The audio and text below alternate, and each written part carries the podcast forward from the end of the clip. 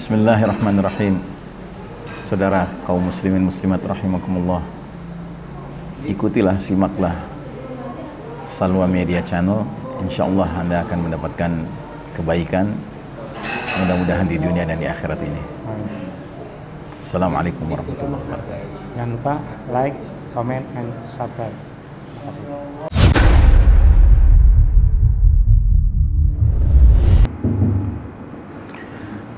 بسم الله الرحمن الرحيم.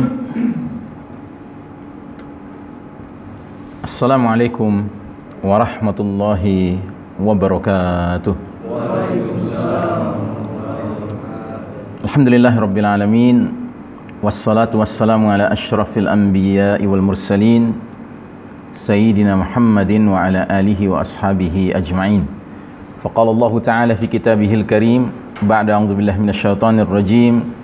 يا أيها الذين آمنوا اتقوا الله حق تقاته ولا تموتن إلا وأنتم مسلمون Hadirin jamaah rahimakumullah Alhamdulillah pada pagi hari ini kembali kita bersyukur Allah Ta'ala masih menghadirkan nikmatul iman wal islam dalam dada kita masing-masing Begitu juga nikmat sehat walafiah masih mengiringi kita Mudah-mudahan Allah Ta'ala menjaga kesehatan kita Mudah-mudahan Allah Ta'ala memberikan kesabaran kepada orang-orang yang sedang menderita sakit.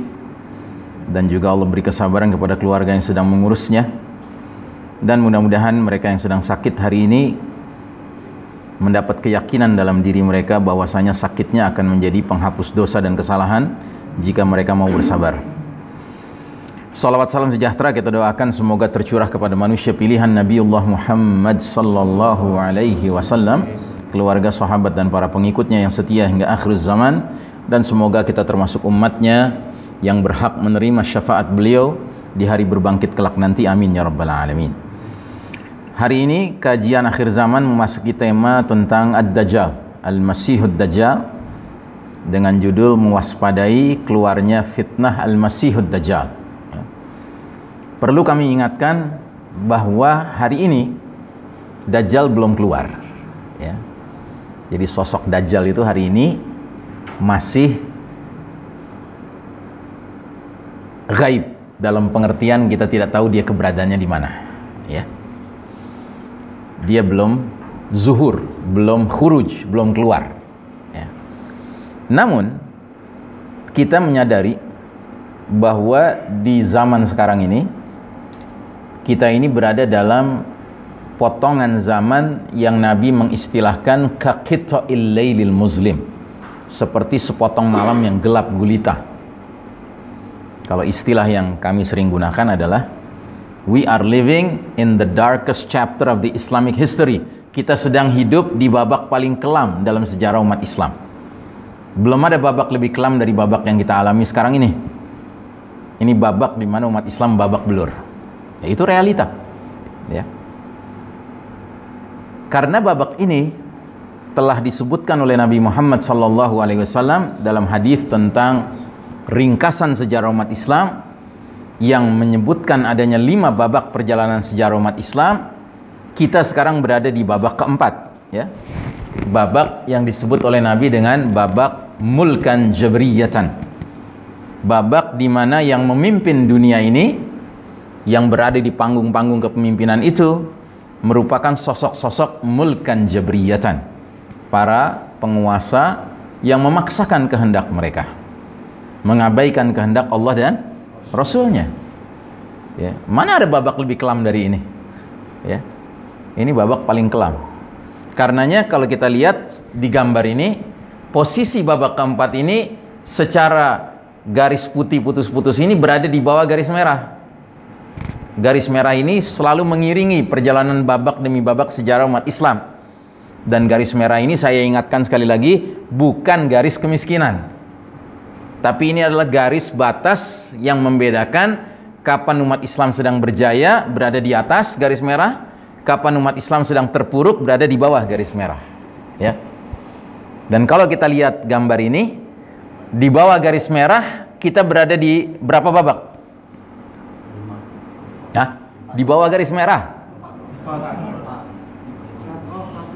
Sumpah lu. Hah? Satu tahap 100 tahun. Di, di babak keempat sekarang ini? Tidak. Kita satu setengah babak di bawah garis merah. Jadi babak sekarang ini seluruhnya kita di bawah garis merah. Dan babak pertama bagian awal kita di bawah garis merah. Ingat, sewaktu Nabi memimpin babak an-nubuwah, babak kenabian yang berlangsung 23 tahun, Nabi diangkat jadi Nabi usia 40, wafat usia 63 kan 23 tahun. Ya. Itu tidak melulu umat Islam dipimpin beliau berada di atas garis merah.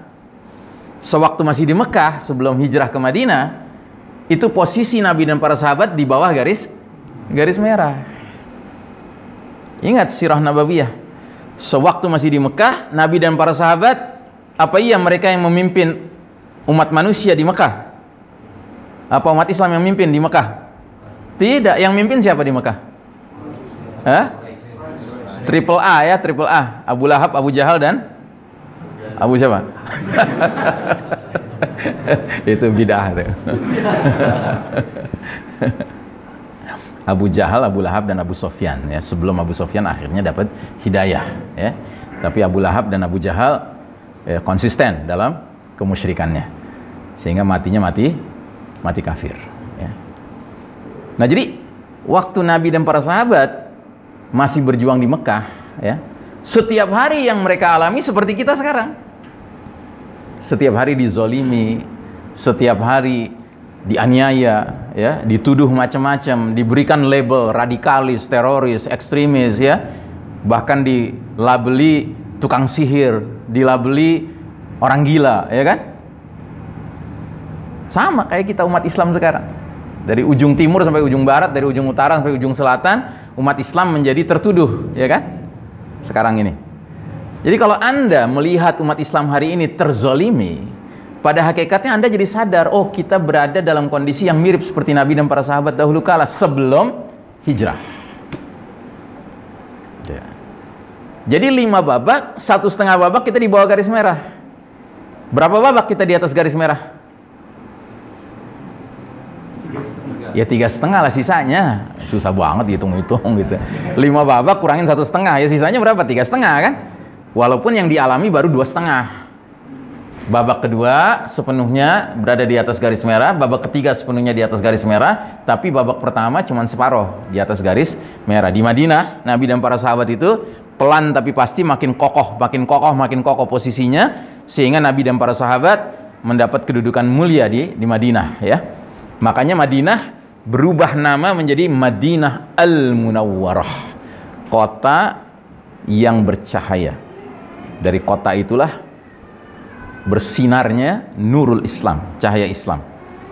Yang hanya dalam tempo 10 tahun Nabi memimpin, Masya Allah. Jazirah Arab, semenanjung Arab, seluruhnya berubah total. Yang tadinya dari zulumatil jahiliyah, kegelapan jahiliyah, menjadi nurul, nurul Islam. Kalau kata Adnani, nurul yakin. nah, jadi saudaraku rahimakumullah, we are living in the darkest chapter of the Islamic history. Ini babak paling kelam dalam sejarah umat Islam, ya. Dan qadarullah di babak keempat ini Allah menguji kita umat Islam dengan kekalahan sementara kaum kafir khususnya barat Eropa Amerika al-Yahud wan Nasara diizinkan Allah memimpin dunia. Dan ingat kepemimpinan ini kepemimpinan yang didukung lagi dimudahkan oleh Allah Taala dengan aneka ya kekuatan kekuatan sains, kekuatan teknologi, ya, kekuatan ekonomi, kekuatan politik, kekuatan macam-macam. Dahsyat sekali ini. Ya, pantas kalau Nabi mengumpamakan kondisi kita umat Islam di akhir zaman ini hidup di dalam ayamus sabr, hari-hari yang menuntut kesabaran. Hari demi hari yang harus kita kencengin apa? Sabar kita, Pak. Sabar kita. Harus kita kencengin. Dan pantas juga Nabi sampai merindukan ikhwani, saudara-saudaraku kata Nabi. Para sahabat sampai bertanya, bukankah kami saudara-saudaramu? Tidak, kalian ashabi, sahabat-sahabatku. Adapun saudara-saudaraku kata Nabi, mereka yang datang di belakang hari nanti, nggak melihat aku, nggak berjumpa dengan aku, tapi mereka mentaati dan mencintai aku sebagaimana kalian mentaati dan mencintai aku. Mereka hidup di dalam ayas ayamus sabr, hari-hari yang menuntut kesabaran. Dan siapa saja di antara mereka yang hidup di masa itu melakukan satu amal saja yang sesuai dengan sunnahku, maka nilai amal dia sama dengan nilai amal 50 orang yang mengerjakan amal yang sama itu. Sahabat sampai penasaran nanya, 50 orang di kalangan mereka apa di kalangan kami? Bahkan di kalangan kalian. Masya Allah. Ya, jadi kalau kita yang ditakdirkan hidup di babak keempat era paling kelam dalam sejarah umat Islam ini mau bersabar, tetap mengikuti sunnah Nabi SAW, sekalipun sunnah Nabi ditertawakan orang banyak, sekalipun sunnah Nabi dianggap sebagai sesuatu yang menunjukkan kebodohan dan kenekatan yang gak karuan gitu ya, maka setiap amal yang sesuai sunnah Nabi yang kita kerjakan itu nilainya seperti 50 sahabat yang mengerjakan. Mau tidak dapat pahala seperti itu? Mau tidak? Ya kalau mau, mari kita istiqomah menjalankan sunnah Nabi sekalipun tidak populer di zaman sekarang ini. Ya. Dan kita tidak perlu ngaku-ngaku sebagai orang yang paling sunnah, nggak perlu. Gitu. Kita jalanin aja. Ya. Sebab kalau orang yang mengerjakan suatu kebaikan, nggak perlu dia mengatakan saya ahli ahli kebaikan, saya ahli khair, nggak perlu. Gitu. Orang yang baik adalah orang yang justru berusaha untuk seminimal mungkin ya, gembar-gembor itu ah, orang yang mukhlis ya. Mudah-mudahan kita termasuk golongan al-mukhlisin. Amin ya rabbal alamin. Nah, jadi saudaraku rahimakumullah, kaum kafir yang memimpin dunia sekarang ini mereka sedemikian rupa sudah mengkonsolidasi diri dalam kekufuran mereka sampai-sampai mereka sudah terang-terangan memberikan nama dari mega proyek yang mereka mau bangun. Namanya apa? Novus Ordo Seclorum New World Order, tatanan dunia baru. Yang tidak lain adalah sistem kafir syirik, sistem dajjal. Ini kita sudah bicarakan ya dalam pertemuan sebelumnya di tempat ini juga sekian bulan yang lalu dalam tema yang berjudul fitnah sistem kafir syirik, sistem dajjal. Ya. Nah hari ini kita belum menghadapi dajjal, sosok dajjalnya belum nongol, belum keluar, belum khuruj, belum zuhur, ya kan? tapi tatanan dunia sudah menjadi sistem dajjal. Apa maksudnya? Maksudnya tatanan dunia ini sudah berkarakter seperti dajjal. Sedangkan dajjal itu karakternya apa? Karakternya songong. Tahu songong? Apa songong? Eh? Ya songong itu sombong yang melampaui batas. Kayak Fir'aun.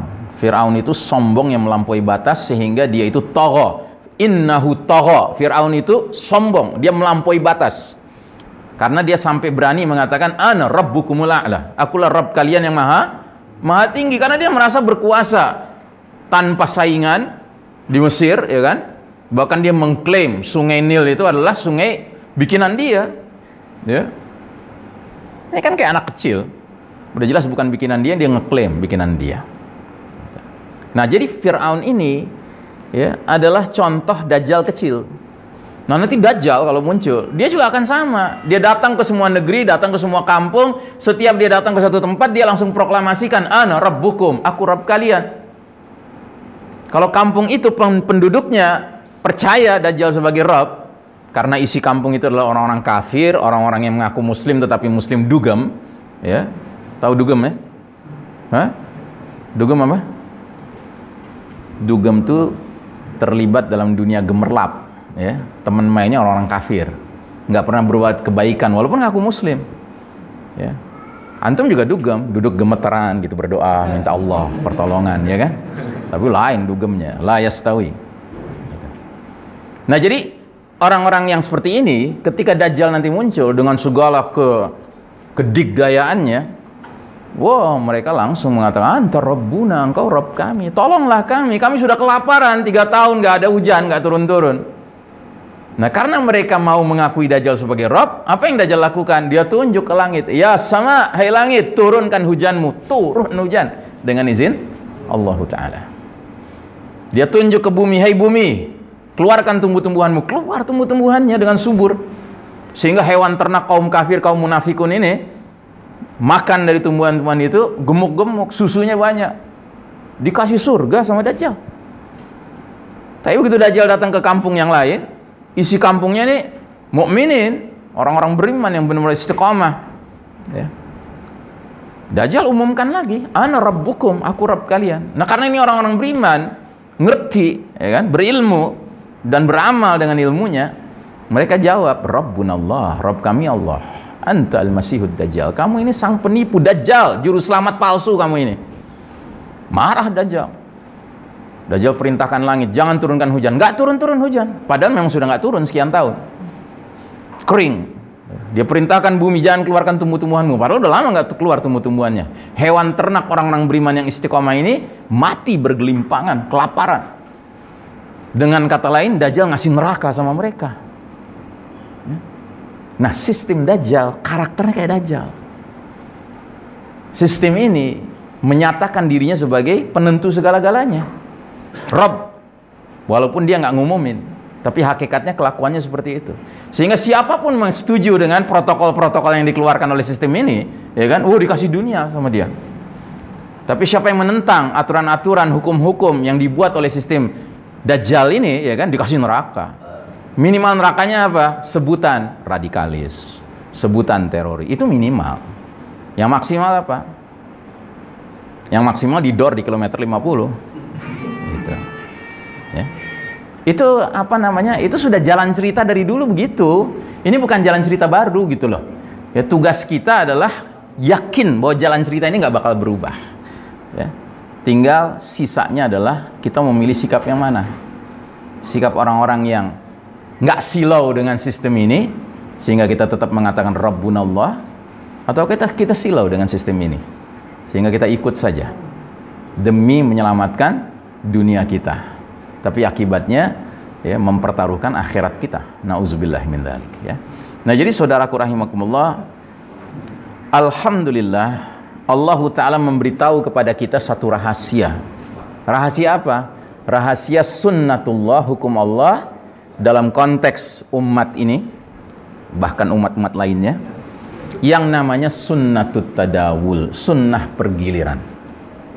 Jadi babak keempat ini giliran kita lagi kalah ya tetapi Allah Ta'ala menjanjikan bahwa sunnah giliran ini pasti berlaku watilkal ayamu nudawiluha bainan nas demikianlah hari demi hari masa kejayaan dan keruntuhan, kemenangan dan kekalahan kami pergilirkan di antara umat manusia agar mereka bisa mengambil pelajaran. Jadi artinya bahwa kita sekarang sedang berada di bawah terpuruk itu realita. Itu skenario Allah Taala. Tetapi bahwasanya Allah Ta'ala punya rencana skenario bahwa babak keempat ini juga akan melampaui expire date-nya, batas akhir pemberlakuannya untuk kemudian datang babak kelima yang berarti apa yang terjadi? Sunnatut tadawul berulang kembali. Kalau kemarin ini sunnatut tadawul yang kita alami adalah berpindah dari atas ke bawah, nanti kita akan berpindah dari bawah ke ke atas ya. Dan saya berulang kali mengatakan di berbagai tempat husnuzon kepada Allah Ta'ala, bersangka baik kepada Allah Ta'ala, bahwa jadwal sunnatut tadawul dari bawah ke atas ini tampaknya sudah tidak lama lagi. Karenanya kita semua harus menyiapkan diri. Dan persiapan yang terbaik itu apa? Persiapan yang terbaik adalah memastikan diri kita berada di barisan yang tepat, di barisan yang benar. Barisan siapa? Barisan Amirul Mukminin fi akhir zaman. Pemimpinnya orang beriman di akhir zaman. Siapa dia? siapa dia? Dia adalah the certified leader, pemimpin yang sertifikasinya dari Allah dan Rasulnya, bukan sertifikasinya dari manusia, siapa pun manusia itu. Bukan hasil pengorbitan, bukan hasil diusung-usung, gitu, tidak. Tapi dia semata-mata adalah pilihan Allah Ta'ala. Makanya judulnya Al-Mahdi, laki-laki yang dapat petunjuk dan laki-laki yang ditunjuk oleh Allah Ta'ala. Makanya kemunculan Al-Mahdi itu amat sangat unik Al-Mahdi itu muncul dalam bentuk dibayat paksa di depan Ka'bah oleh sejumlah orang yang nggak signifikan, nggak sampai seribu orang, nggak sampai 500 orang, cuman berapa orang? 313 orang, seperti Ahlul Badr, pasukan perang Badar yang nggak direken sama kaum musyrikin Quraisy. Ya, kita berseribu, mereka 313. Abis deh nih kaum muslimin nih. Gitu. Nah, 313 orang itu dijelaskan lagi dalam hadisnya. Laisat lahum mana'atun wala adadun wala uddatun mereka tidak punya proteksi mereka tidak punya jumlah yang signifikan dan mereka tidak bersenjata ya 313 orang itu 313 orang-orang alim orang-orang soleh yang selama ini istiqomah di dalam berislam sekalipun harus hidup di bawah naungan sistem Dajjal. Dan Allah pertemukan mereka dalam sebuah pertemuan yang nggak direncanakan di Mekah. Dan di antara 313 orang itu ada tujuh orang alim yang datang dari tujuh penjuru dunia. Yang kata Ibnu Mas'ud radhiyallahu an, "Idzan qata'at tujarat wa turuk" ketika perdagangan dan perjalanan-perjalanan transportasi sudah putus-putus ya kan? Datanglah tujuh laki-laki tanpa kesepakatan hadir di Mekah. Dan mereka saling bertanya begitu ketemu ngapain kamu? Ngapain kamu? Satu sama lain saling bertanya. Ternyata jawabannya sama kami datang untuk mencari laki-laki yang dengan izin Allah bisa menyelesaikan semua fitnah ini ya memang udah jadwalnya udah jadwal harus munculnya Amirul Mukminin fi akhir zaman. Makanya jangan di, jangan antum tuh pusing-pusing mikirin, wah kita harus dukung siapa ya pemimpinnya itu. Nggak perlu, nggak perlu dipikirin itu. Ini semua sepenuhnya skenario Allah Subhanahu wa taala. Ini tadbir Rabbani. Ini adalah rancangan Allah langsung. Ya, bahkan tujuh orang alim itu sendiri nggak pernah berencana ketemu bareng. Itu nggak tahu bakal ketemu bareng. Bahkan kita sekarang kalau nanya-nanya juga siapa ya tujuh orang itu, ya kan? Nggak perlu juga gitu. Karena kita nggak bakal tahu, mereka aja nggak tahu bahwa mereka yang bakal dipertemukan satu sama lain. Ya, nah, ini harus kita yakini pak. Karena apa? Karena munculnya pemimpin di tengah umat ini, ya benar-benar adalah tadbir robbani, pilihan Allah Taala. Ya. Nah jadi saudaraku rahimakumullah, persiapan kita adalah persiapan menjadi jundullah tentara Allah Subhanahu Wa Taala. Dan itu ada kriterianya. Dan kriterianya itu tidak akan saya jelaskan sekarang. Tapi spoilernya ya tahu spoiler? Spoiler tahu ya? Apa sih spoiler bahasa Indonesia nya bocoran ya bocorannya.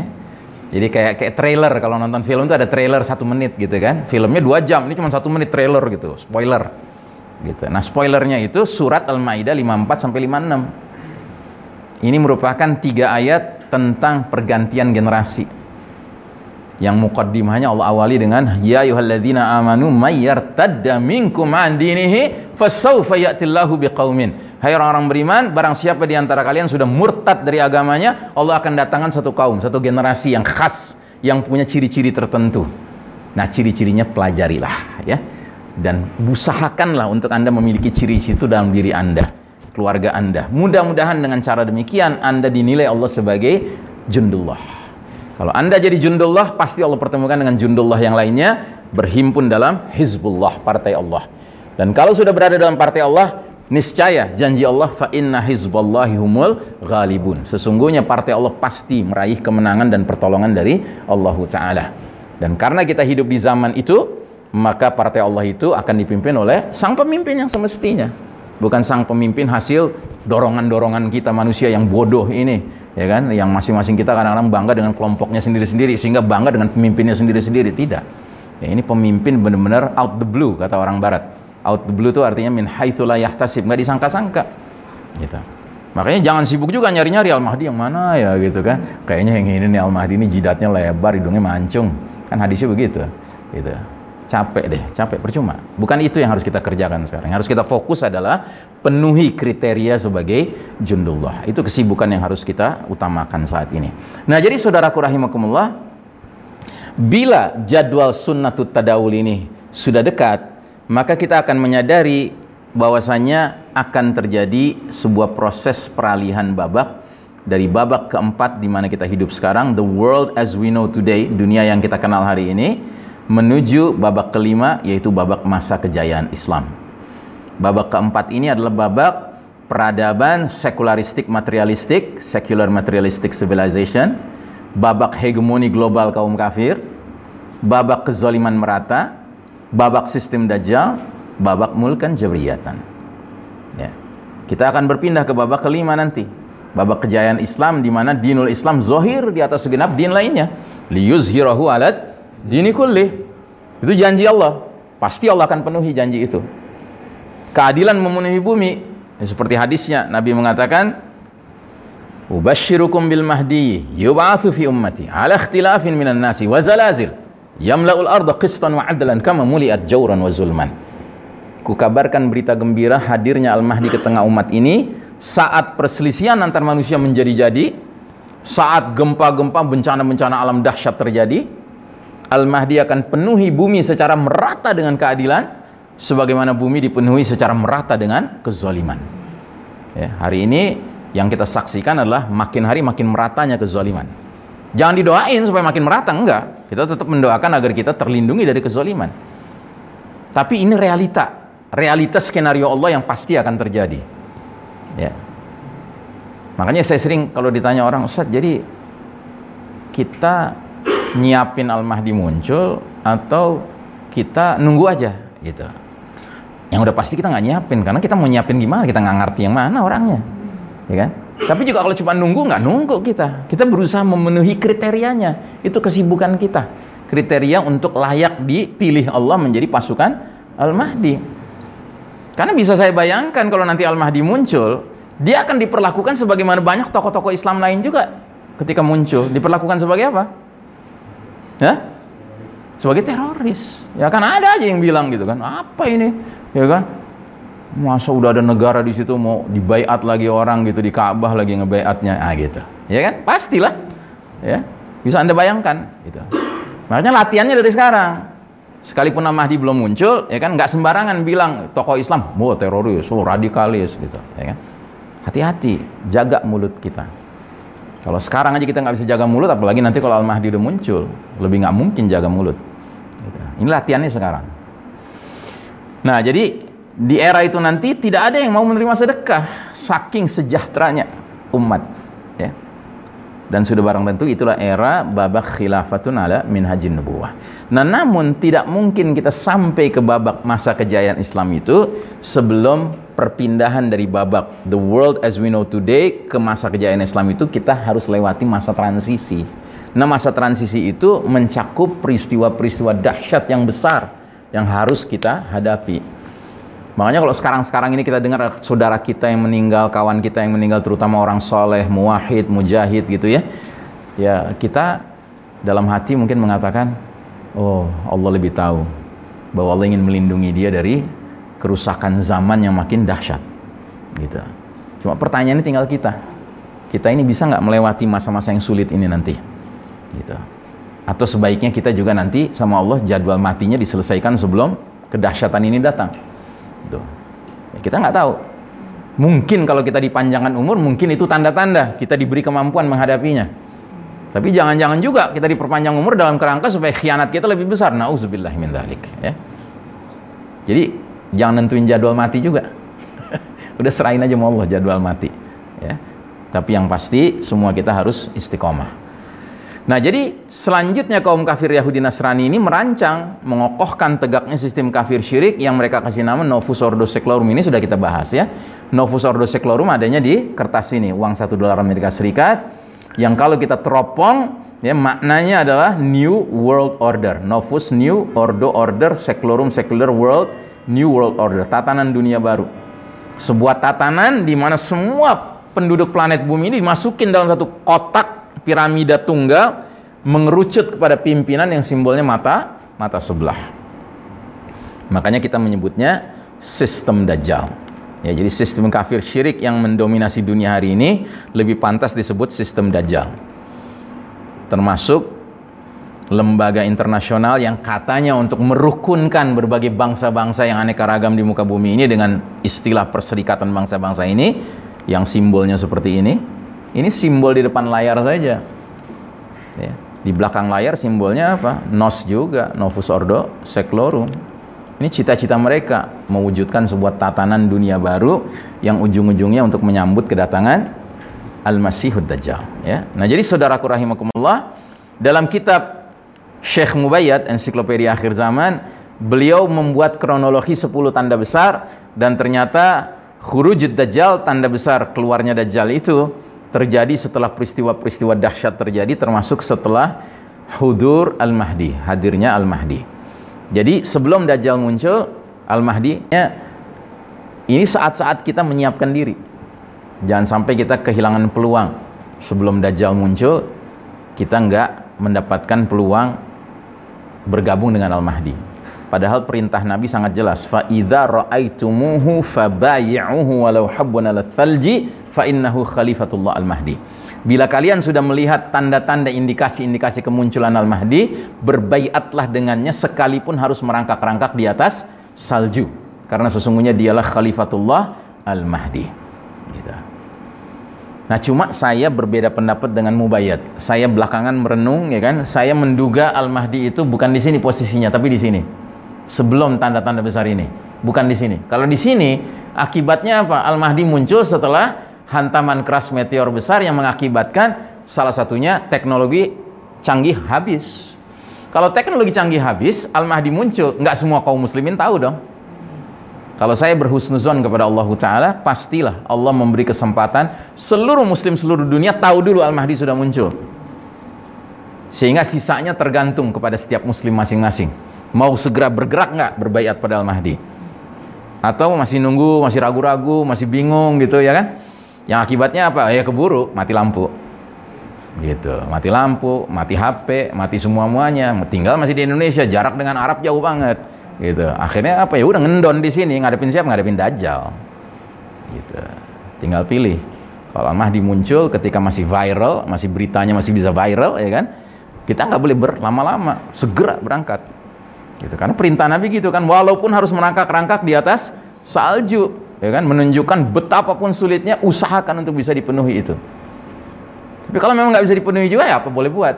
Ya siap-siap bikin kampung akhir zaman di sini. Kumpul sama saudara-saudara mukmin, siap-siap ngadepin fitnah yang paling dahsyat dajjal. Gitu. Atau pelan-pelan berusaha untuk gabung juga ke sana, tapi ya berat sekali udah nggak ada pesawat, udah nggak ada kapal laut yang canggih, ya kan? Kalau sekarang kan masih ada. Gitu. Tapi sekarang pun sudah dipersulit dengan apa? Naik kapal mesti pakai rapid test, mesti PCR, ya kan? Harus bebas COVID, ya kan? Eh, ini rancangan-rancangan mereka semua ini. Karena mereka tahu bahwa ini akan datang nih seorang pemimpin. Ya, mereka tahu, Pak. Mereka belajar ilmu akhir zaman. Makanya kalau mereka aja yang kafir belajar, masa kita nggak belajar? Gitu.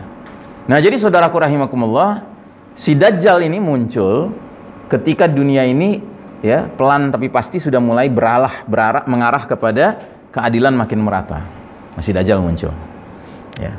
Dan si Dajjal geram. Ya. Tapi si Dajjal ini tidak berani terang-terangan langsung menghadapi khilafah yang dipimpin Al-Mahdi dan kaum muslimin. Tapi dia cari mangsa di wilayah-wilayah yang jauh-jauh. Makanya yang tetap tinggal di Indonesia termasuk mangsa-mangsa awalnya Dajjal nih. Gitu. Iya. Ya. Kalau antum nggak sempat bergabung dan masih tinggal di Indonesia, ya di Tanah Abang siap-siap ngadepin Dajjal masih di Bekasi, masih di Depok ya siap-siap ngadepin Dajjal karena Dajjal pasti nyari yang jauh-jauh yang nggak bisa apa namanya komunikasi dengan pusat khilafah. Gitu. Ya. karena lemah kan yang jauh kan lemah. Gitu. makanya setidak-tidaknya kita harus segera berkumpul dengan saudara-saudara mukmin kita yang lain sekalipun kita lemah sekalipun kita jauh dari pusat khilafah dengan cara bikin KAZ ya kampung akhir akhir zaman ya. Saling melindungi satu sama lain saling berbagi makanan tersisa yang ada minuman yang tersisa yang ada ya kan dan seterusnya. Nah di dalam hadis Nabi Muhammad SAW secara jelas dan tegas bersabda memperingatkan soal fitnah ad-dajjal. Nabi bersabda Ya ayuhan nasu innaha lam takun fitnatun ala wajhil ardi mundu dhara'allahu dzurriyyata adama a'zama min fitnatid dajjal hai manusia sekalian sungguh semenjak Allah menciptakan anak cucu Adam di muka bumi ini tidak ada fitnah ujian yang lebih dahsyat dari fitnah ujian ad-dajjal. Jadi dajjal itu a'zamul fitnah ujian yang paling dahsyat sepanjang zaman ya. Kemudian kata Nabi wa inna Allah azza wa jalla lam yab'ats nabiyan illa hadzara ummatahu ad-dajjal. Dan tidak ada seorang nabi pun yang diutus Allah melainkan nabi itu memperingatkan umatnya masing-masing mengenai ujian dajjal. Jadi semua nabi pasti memperingatkan umatnya masing-masing tentang dahsyatnya fitnah dajjal ini. Terus di ujung hadis ini kata Nabi wa ana akhirul anbiya wa antum akhirul umam wa huwa kharijun fikum la mahala. Sementara sedangkan aku ini nabi terakhir dan kalian adalah umat terakhir. maka tidak bisa dipungkiri lagi bahwa Dajjal itu akan keluar di tengah-tengah kalian. Maksudnya, Nabi demi Nabi sudah memperingatkan soal akan munculnya Dajjal. Nabi demi Nabi sudah wafat satu persatu, termasuk Nabi kita sudah wafat, ya kan? Sementara Dajjal belum keluar. Berarti Dajjal akan muncul di tengah-tengah umat Nabi Muhammad SAW di masa umat nabinya sudah wafat. Dan kita, saya, anda, antum semua ini, kita termasuk umat Muhammad SAW yang hidup tanpa nabinya. Yang berarti kita potensial ketemu Dajjal. Ya, soal benar tidaknya kita ketemu, ya kita berharap pada Allah nggak ketemu. Ya, jangan berharap ingin ketemu Dajjal. Ya, ada hadisnya Nabi mengatakan, "Man sami'a bid Dajjal falyan anhu." Barang siapa mendengar Dajjal mendekat ke kampungnya, ke negerinya, ya, hindarilah dia. Jadi jangan berharap pengen ketemu Dajjal. Jangan perlakukan Dajjal kayak selebritis yang Anda doyan pengen selfie berdua dia. Gitu. Dajjal ini fitnah paling dahsyat. Ya, jangan sekali-kali nantangin deh. Gitu. Nah, jadi Dajjal ini pasti muncul di tengah umat Muhammad SAW yang hidup tanpa nabinya dan kita memenuhi kriteria itu. Terus pertanyaan berikutnya, Al-Masihud Dajjal merupakan fitnah paling dahsyat sepanjang zaman, sepanjang masa. Makhluk seperti apa dia? Ini sering ditanyakan orang. Nah, karena Dajjal ini perkaranya masuk dalam ranah al-ilmu anil ghaib, ilmu tentang perkara-perkara gaib, maka kita harus kembali kepada kaidah Al-Qur'an tentang perkara yang gaib. Apa kata Allah Ta'ala tentang perkara yang gaib? alimul ghaibi wa fala yuzhiru ala ghaibihi ahadan illa man min rasulin. Dia adalah Allah yang maha mengetahui perkara-perkara yang gaib, maka Allah tidak perlihatkan, tidak beritahu kepada seorang pun tentang perkara yang gaib itu kecuali kepada Rasul yang Allah ridhai. Jadi dengan kata lain, kalau ingin tahu tentang Dajjal itu makhluk seperti apa, atau kita bertanyanya kepada Allah atau kita bertanyanya kepada Rasul pengertian bertanya kepada Allah itu maksudnya apa? pelajari kitabnya pengertian nanya ke Rasul itu maksudnya apa? pelajari hadis-hadisnya nah sekarang kalau kita pelajari Al-Quranul Karim sebagai kitabullah yang sekarang ini up to date bukan kitabullah Taurat, Injil, Zabur yang sudah out of date ya kan dan sudah campur aduk antara baik dan benar antara benar dan salah dan menyimpang dan sebagainya maka dari awal Al-Fatihah sampai akhir An-Nas, adakah kita temukan nama Dajjal disebut-sebut sama Allah Ta'ala? Ada tidak? Hmm? Ada atau tidak? Nama Dajjal disebut dalam Al-Quran? Tidak ada. Ya. Dan para ulama sudah selesai mendiskusikan ini. Ya. Makanya jangan ada yang secara serampangan berkesimpulan. Ustadz, gue nggak percaya adanya Dajjal. Buktinya di Quran nggak ada namanya disebut. Ya. Kasian deh loh. Itu. Ini para ulama sudah selesai membahasnya. Dan kesimpulan para ulama kenapa Allah Ta'ala tidak menyebut-nyebut tentang Dajjal padahal dia fitnah yang paling dahsyat sepanjang zaman karena Allah Ta'ala ingin menghina Dajjal. Jadi Dajjal itu dihina dengan cara apa? Namanya nggak disebut sama sekali dalam dalam Al-Quran. Gitu. Kan kayak gini, kayak kalau sebuah kekuasaan yang zolim nggak suka dengan seseorang, ya, maka berita tentang orang itu itu ditutup-tutupi, nggak boleh diberitakan. Gitu. Karena apa? Karena kalau diberitakan jadi menarik perhatian kan? Dan orang itu merasa GR dong. Gitu. Nah begitu juga dengan Dajjal ini. Dajjal ini sedemikian Allah ingin hinakan sampai namanya saja nggak disebutkan di dalam Al-Quran. Tapi kata para ulama ada isyarat tentang Dajjal yang disebutkan Allah secara tidak langsung. Di mana? Isyarat itu ada di surat Al-An'am 158. Allah berfirman, "Hal yanzuruna illa an ta'tiyahumul malaikatu aw ya'tiya rabbuka aw ya'tiya ba'du ayati rabbik." Yawma ya'ti ba'du ayati rabbika la yanfa'u nafsan imanuha lam takun amanat min qabl aw kasabat fi imaniha khaira Qul yantaziru inna muntazirun. Artinya, yang manusia tunggu-tunggu nanti-nantikan tidak lain hanyalah kedatangan malaikat kepada mereka untuk mencabut nyawa mereka, yakni kematian. Atau kedatangan Rabbmu, kapan itu? Pada hari berbangkit nanti di padang mahsyar Allah akan tampil di hadapan semua umat manusia. Atau kedatangan sebagian ayat Rabbika, tanda-tanda Rabbmu. Ya. Dan pada hari ketika tanda-tanda sebagian tanda-tanda Robmu itu datang, tidak lagi bermanfaat iman seseorang bagi dirinya sendiri yang sebelum itu nggak pernah beriman. Atau dia belum mengusahakan kebaikan dalam dalam masa imannya. Ya.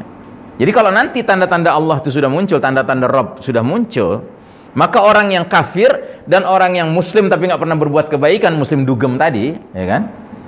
Yang salah gaul, ya kan? Temannya lebih akrab dengan orang kafir daripada orang mukmin, ya kan? Maka mereka-mereka ini sudah celaka mereka. Binasa mereka, ya.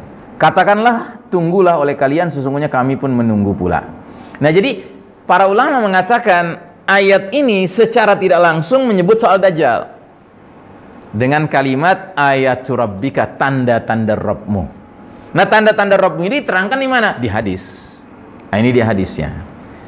An Abi Hurairah radhiyallahu anhu qala Rasulullah sallallahu alaihi wasallam, "Thalathun idza kharajna la yanfa'u nafsan imanuha lam takun amanat min qabl aw kasabat fi imaniha khairan tulu'is syamsi min maghribiha wad dajalu wa dabatul ard." Rasulullah SAW bersabda, tiga perkara, tiga tanda-tanda Robmu yang bila mana sudah keluar, sudah muncul, niscaya tidak akan bermanfaat iman seseorang yang belum pernah beriman sebelum, sebelum itu, yakni orang kafir, atau dia belum mengusahakan kebaikan dalam masa imannya, yakni orang muslim tetapi dugem, ya. Dan tiga perkara itu adalah jika matahari sudah keburu terbit dari barat, satu, jika keluarnya dajjal, dua, dan jika makhluk melata sudah keluar dari perut bumi. Jadi ini termasuk tiga tanda-tanda Rabbmu atau tiga tanda-tanda besar kiamat dari sepuluh tanda besar kiamat. Yang mana pun yang muncul duluan, ya kan? Kalau salah satunya sudah muncul, seseorang tadinya kafir sudah binasa dia. Seseorang muslim tetapi nggak pernah berbuat kebaikan, dugem, ya kan? Salah gaul, binasa dia. Gitu.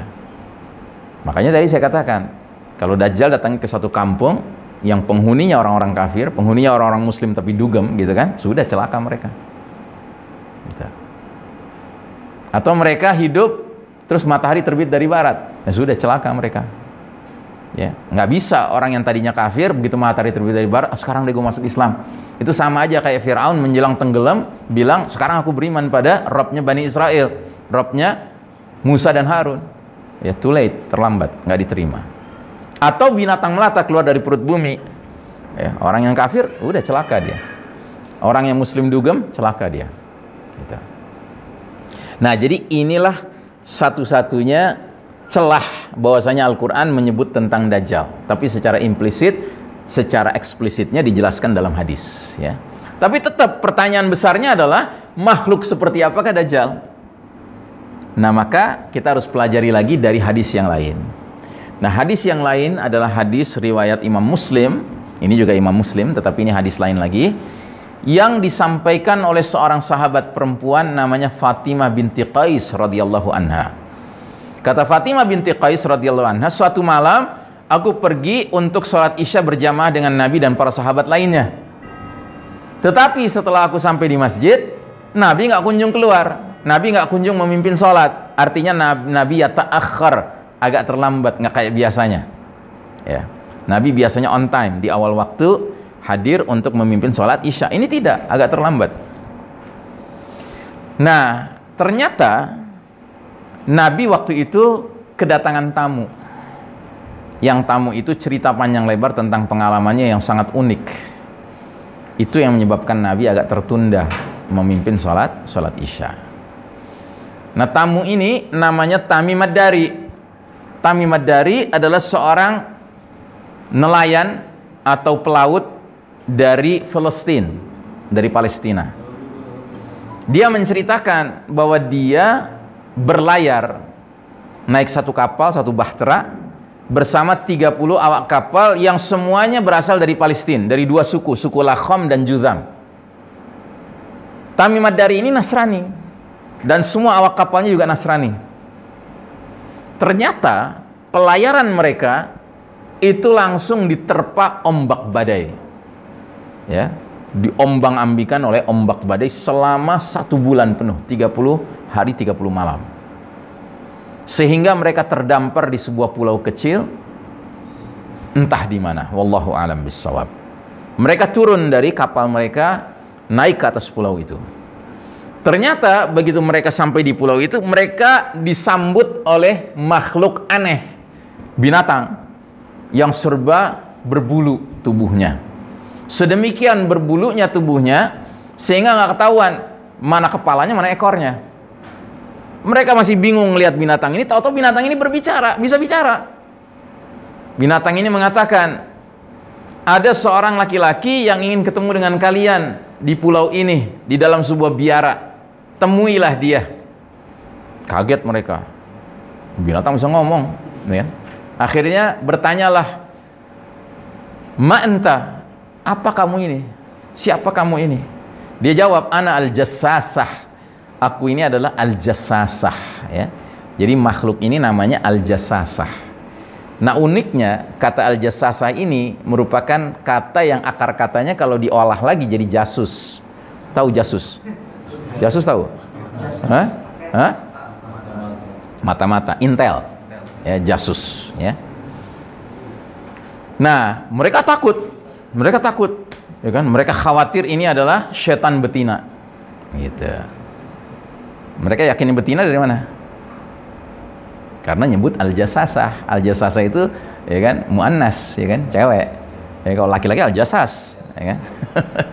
Ini al-jasasah. Gitu. Udah mereka tinggalin, ngeri mereka. Ternyata benar, mereka ketemu ada biara, tahu biara ya?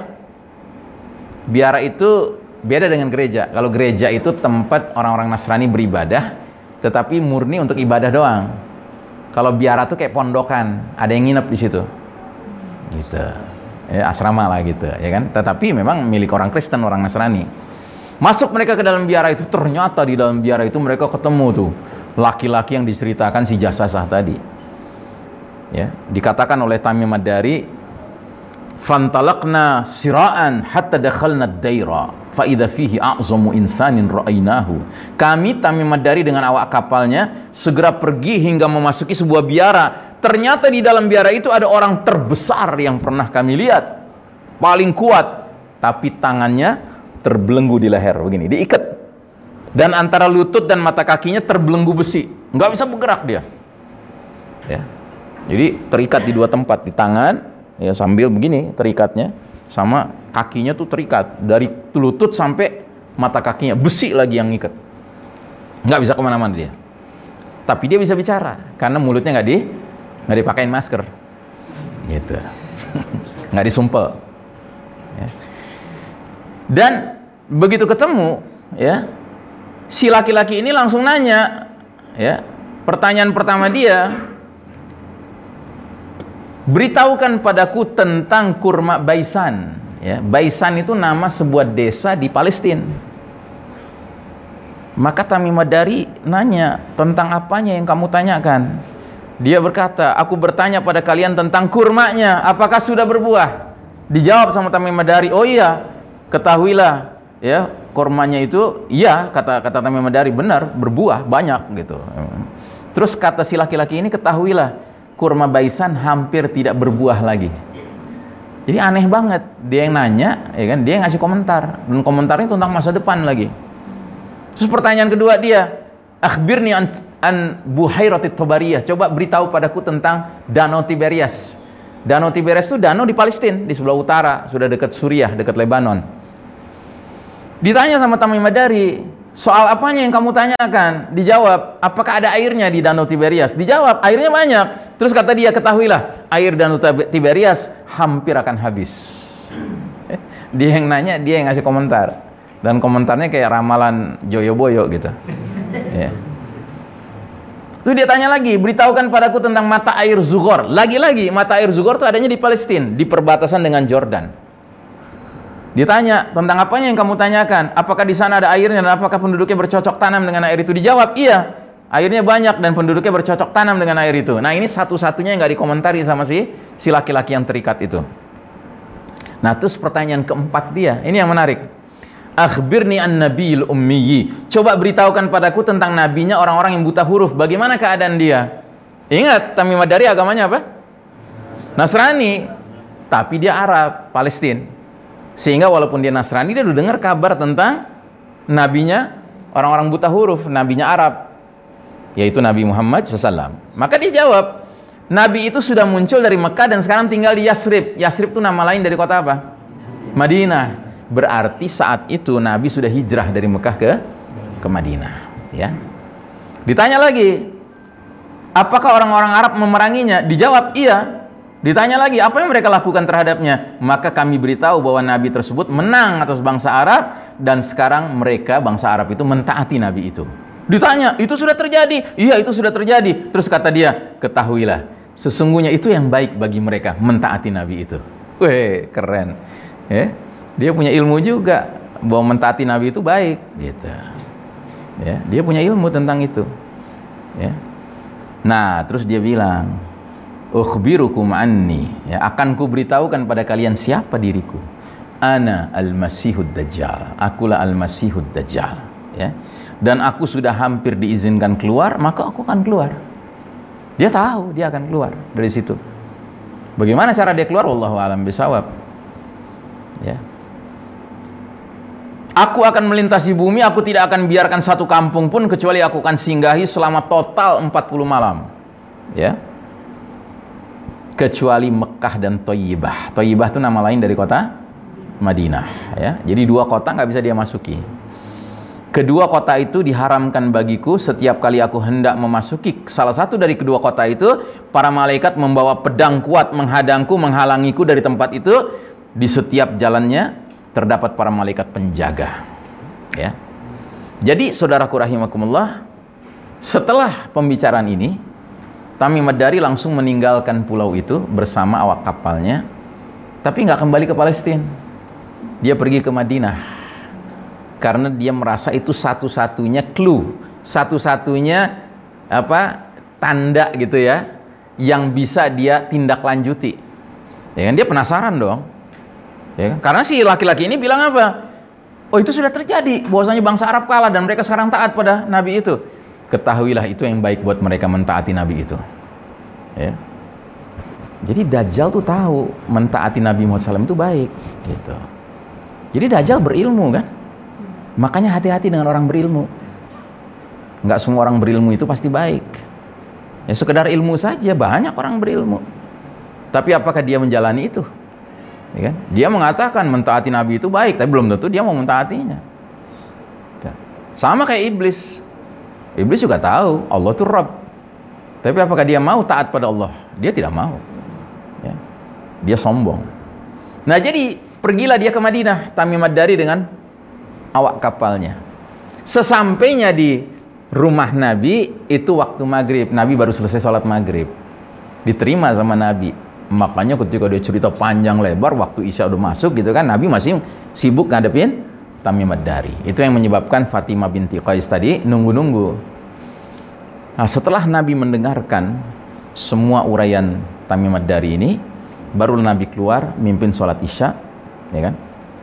Kemudian Nabi Selesai sholat isya langsung naik mimbar. Menceritakan semua yang dia dengar dari Tamim Ad-Dari. Ya. Dan Tamim Ad-Dari setelah menceritakan itu, mendapat konfirmasi dari Nabi Muhammad SAW bahwasanya memang itu Dajjal yang dia jumpai. Dan Tamim Ad-Dari langsung mengucapkan dua kalimat syahadat masuk Islam. Makanya Tamim Ad-Dari dikenal sebagai salah seorang sahabat Nabi. Sering meriwayatkan hadis ya. Setelah peristiwa ini. Dan setelah Nabi uraikan semua itu, Nabi kemudian memukul tongkat pendek beliau ke mimbar tempat beliau menyampaikan apa namanya e, taujihnya, tausiahnya, ya kan? Sambil mengatakan memukul mimbar, hadhihi thayyibah, hadhihi thayyibah, hadhihi thayyibah. Inilah kota Madinah, inilah kota Madinah, inilah kota Madinah. Ingat, apakah sudah kuceritakan pada kalian? Para sahabat semua menjawab, ajal. Iya, engkau sudah ceritakan. Maka kata Nabi menutup uraiannya, apa yang dikatakan Tamim Dari kepadaku membuatku takjub. Ceritanya sama persis seperti yang kuceritakan pada kalian tentang Dajjal, tentang kota Madinah dan kota Mekah. Terus Nabi ngangkat telunjuknya mengarah ke arah selatan, ke arah Yaman. Kata Nabi, Dajjal akan muncul dari sana. Tiba-tiba Nabi bantah, oh enggak, enggak, enggak, enggak. Dajjal akan muncul dari sana. Nunjuk ke arah utara atau arah Syam arah lautan Mediterania, lautan tengah. Terus Nabi bantah lagi, oh tidak, tidak, tidak, Dajjal akan muncul dari sana, dari sana, ke arah timur. Ya, Indonesia kali. Ya dari sana. Jadi Dajjal akan muncul dari timur. Gitu. Nah, para ulama hadis mengatakan bahwa Nabi sedemikian ragunya mula-mula bilang dari selatan, kemudian dari utara, kemudian dari timur ya kan, itu menunjukkan bahwasanya keberadaan Dajjal itu majhul, misterius. Memang nggak jelas, nggak pasti di mana dia keberadaannya. Gitu. Makanya kalau ada buku judulnya Dajjal bakal keluar dari segitiga bermuda, kita harus waspadai, ya kan? Dari mana dia tahu? Itu Dajjal bakal muncul dari segitiga bermuda. Sedangkan Nabi aja ragu, mula-mula bilang dari selatan, bukan dari utara, bukan dari timur, ya kan? Nggak pasti. Gitu. Dan memang itu bukan PR kita. PR kita bukan cari-cari koordinat Dajjal di mana keberadaannya. Bahwasanya sekarang Dajjal mungkin sudah ditemukan oleh orang-orang kafir, gembong-gembong kafirin, ya kan? Dan mereka sudah sering likok bersama Dajjal, itu urusan mereka. Ya kan? Untuk merancang sistem Dajjal dunia sekarang ini. Itu urusan mereka, bukan urusan kita. Ya, urusan kita adalah menyiapkan diri ya untuk bisa bersama-sama dengan pemimpin kita nantinya dalam barisan yang jelas untuk berperang membebaskan negeri demi negeri yang sudah dikuasai oleh Mulkan Jabriatan ini. Sampai akhirnya kita akan berperang dengan perang terakhir sekali melawan Dajjal. Ya, yang ketika itu nanti kita pasukan Islam di bawah pimpinan Al-Mahdi akan dapat bantuan khusus dari langit yaitu turunnya Isa alaihissalam bergabung dalam pasukan Al-Mahdi. Dan Isa alaihissalam lah nanti yang dapat kemuliaan membunuh Al-Masihud Dajjal. Al-Masih Isa alaihissalam yang membunuh Al-Masihud Dajjal. Ya, juru selamat yang sejati melawan juru selamat palsu. Begitu. Loh, Ustaz Isan, kok bilang Isa alaihissalam juru selamat? Emang kita Nasrani? Bukan. Isa alaihissalam nanti turun di akhir zaman tidak membawa ajaran Nasrani, justru membenarkan agama Nabi Muhammad SAW. Gitu. Jadi dia juru selamat yang hakiki melawan juru selamat palsu Dajjal. Makanya orang-orang Yahudi Nasrani yang masih lurus, lempeng, nanti kalau Isa alaihissalam turun, ya kan mereka tahu ini juru selamat yang benar. Mereka akhirnya taubat masuk Islam juga. Gitu. Tapi mereka-mereka yang udah doyan dengan Dajjal, jangankan Yahudi Nasrani, Muslim yang doyan sama Dajjal ya berpihak sama Dajjal. Gitu. Melawan Al-Mahdi. Nah, jadi saudaraku rahimakumullah, berdasarkan hadis di atas, kita dapat simpulkan bahwa Dajjal adalah insanun, manusia. Karena si Tamim Madari kan bilang, a'zamu insanin ra'ainahu. Aku melihat orang manusia terbesar yang pernah kulihat. Yang terhebat terkuat gitu. Tapi terikat. Berarti dajjal itu insan. Karena waktu nabi disampaikan hal ini nabi menyimak penuturan kesaksian Tamim Madari bahwasanya dajjal insan nabi tidak mengingkarinya. Jadi kesimpulannya dajjal makhluk apa? Manusia min bani adam. Jadi ibaratnya kalau iblis itu gembong setan dari kalangan jin, maka Dajjal gembong setan dari kalangan manusia. Gitu. Ad-Dajjal bukan sembarang manusia. Ini catatan. Dia manusia tapi bukan sembarang manusia sebagaimana manusia pada umumnya. Dia memiliki beberapa keluar biasaan. Di antara keluar biasaannya apa? Usianya panjang. Ya gimana gak panjang? Dari zaman Nabi sudah ada. Ya. Sampai kelak nanti muncul di akhir di akhir zaman. Kira-kira buat Allah menciptakan manusia usianya panjang ribuan tahun bisa apa tidak? Berani-berani bilang nggak bisa. Gitu. Ya jelas Allah ala kulli syai'in qadir. Ya, jangankan Dajjal, Nabi Nuh alaihissalam aja usianya 1000 tahun kurang 50 tahun, ya kan? 950 tahun. Hak Allah menciptakan manusia berusia panjang. Terus yang kedua, keluar biasaan Dajjal apa? Diizinkan Allah memprediksi, meramalkan beberapa peristiwa yang bakal terjadi di masa depan. Di antaranya apa? Nasib kurma baisan dan nasib danau Tiberias, ya.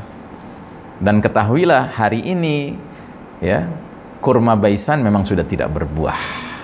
Hari ini danau Tiberias memang semakin minim kadar airnya, jumlah airnya. Yang itu menyebabkan para pengamat akhir zaman mengatakan wajar kalau kemudian kita berkeyakinan khurujud dajjal qaribah. Keluarnya dajjal sudah dekat jadwalnya. Ya, sekalipun kita tidak berharap ketemu dengan dengan dajjal dan tidak boleh berharap, ya. Nah, jadi saudaraku rahimakumullah, selesai bab ini kita lanjutkan dengan judul tanda-tanda sudah dekat saat keluarnya dajjal. Ada beberapa dalil dari Nabi SAW yang mengisyaratkan bahwasanya sekarang ini kita sudah berada di masa dekat saat keluarnya Dajjal. Yang pertama, hadis yang berbunyi la yakhrujud Dajjal hatta yadhhalan nasu an dzikrihi wa hatta tatruka la'immatu zikrahu 'alal manabir.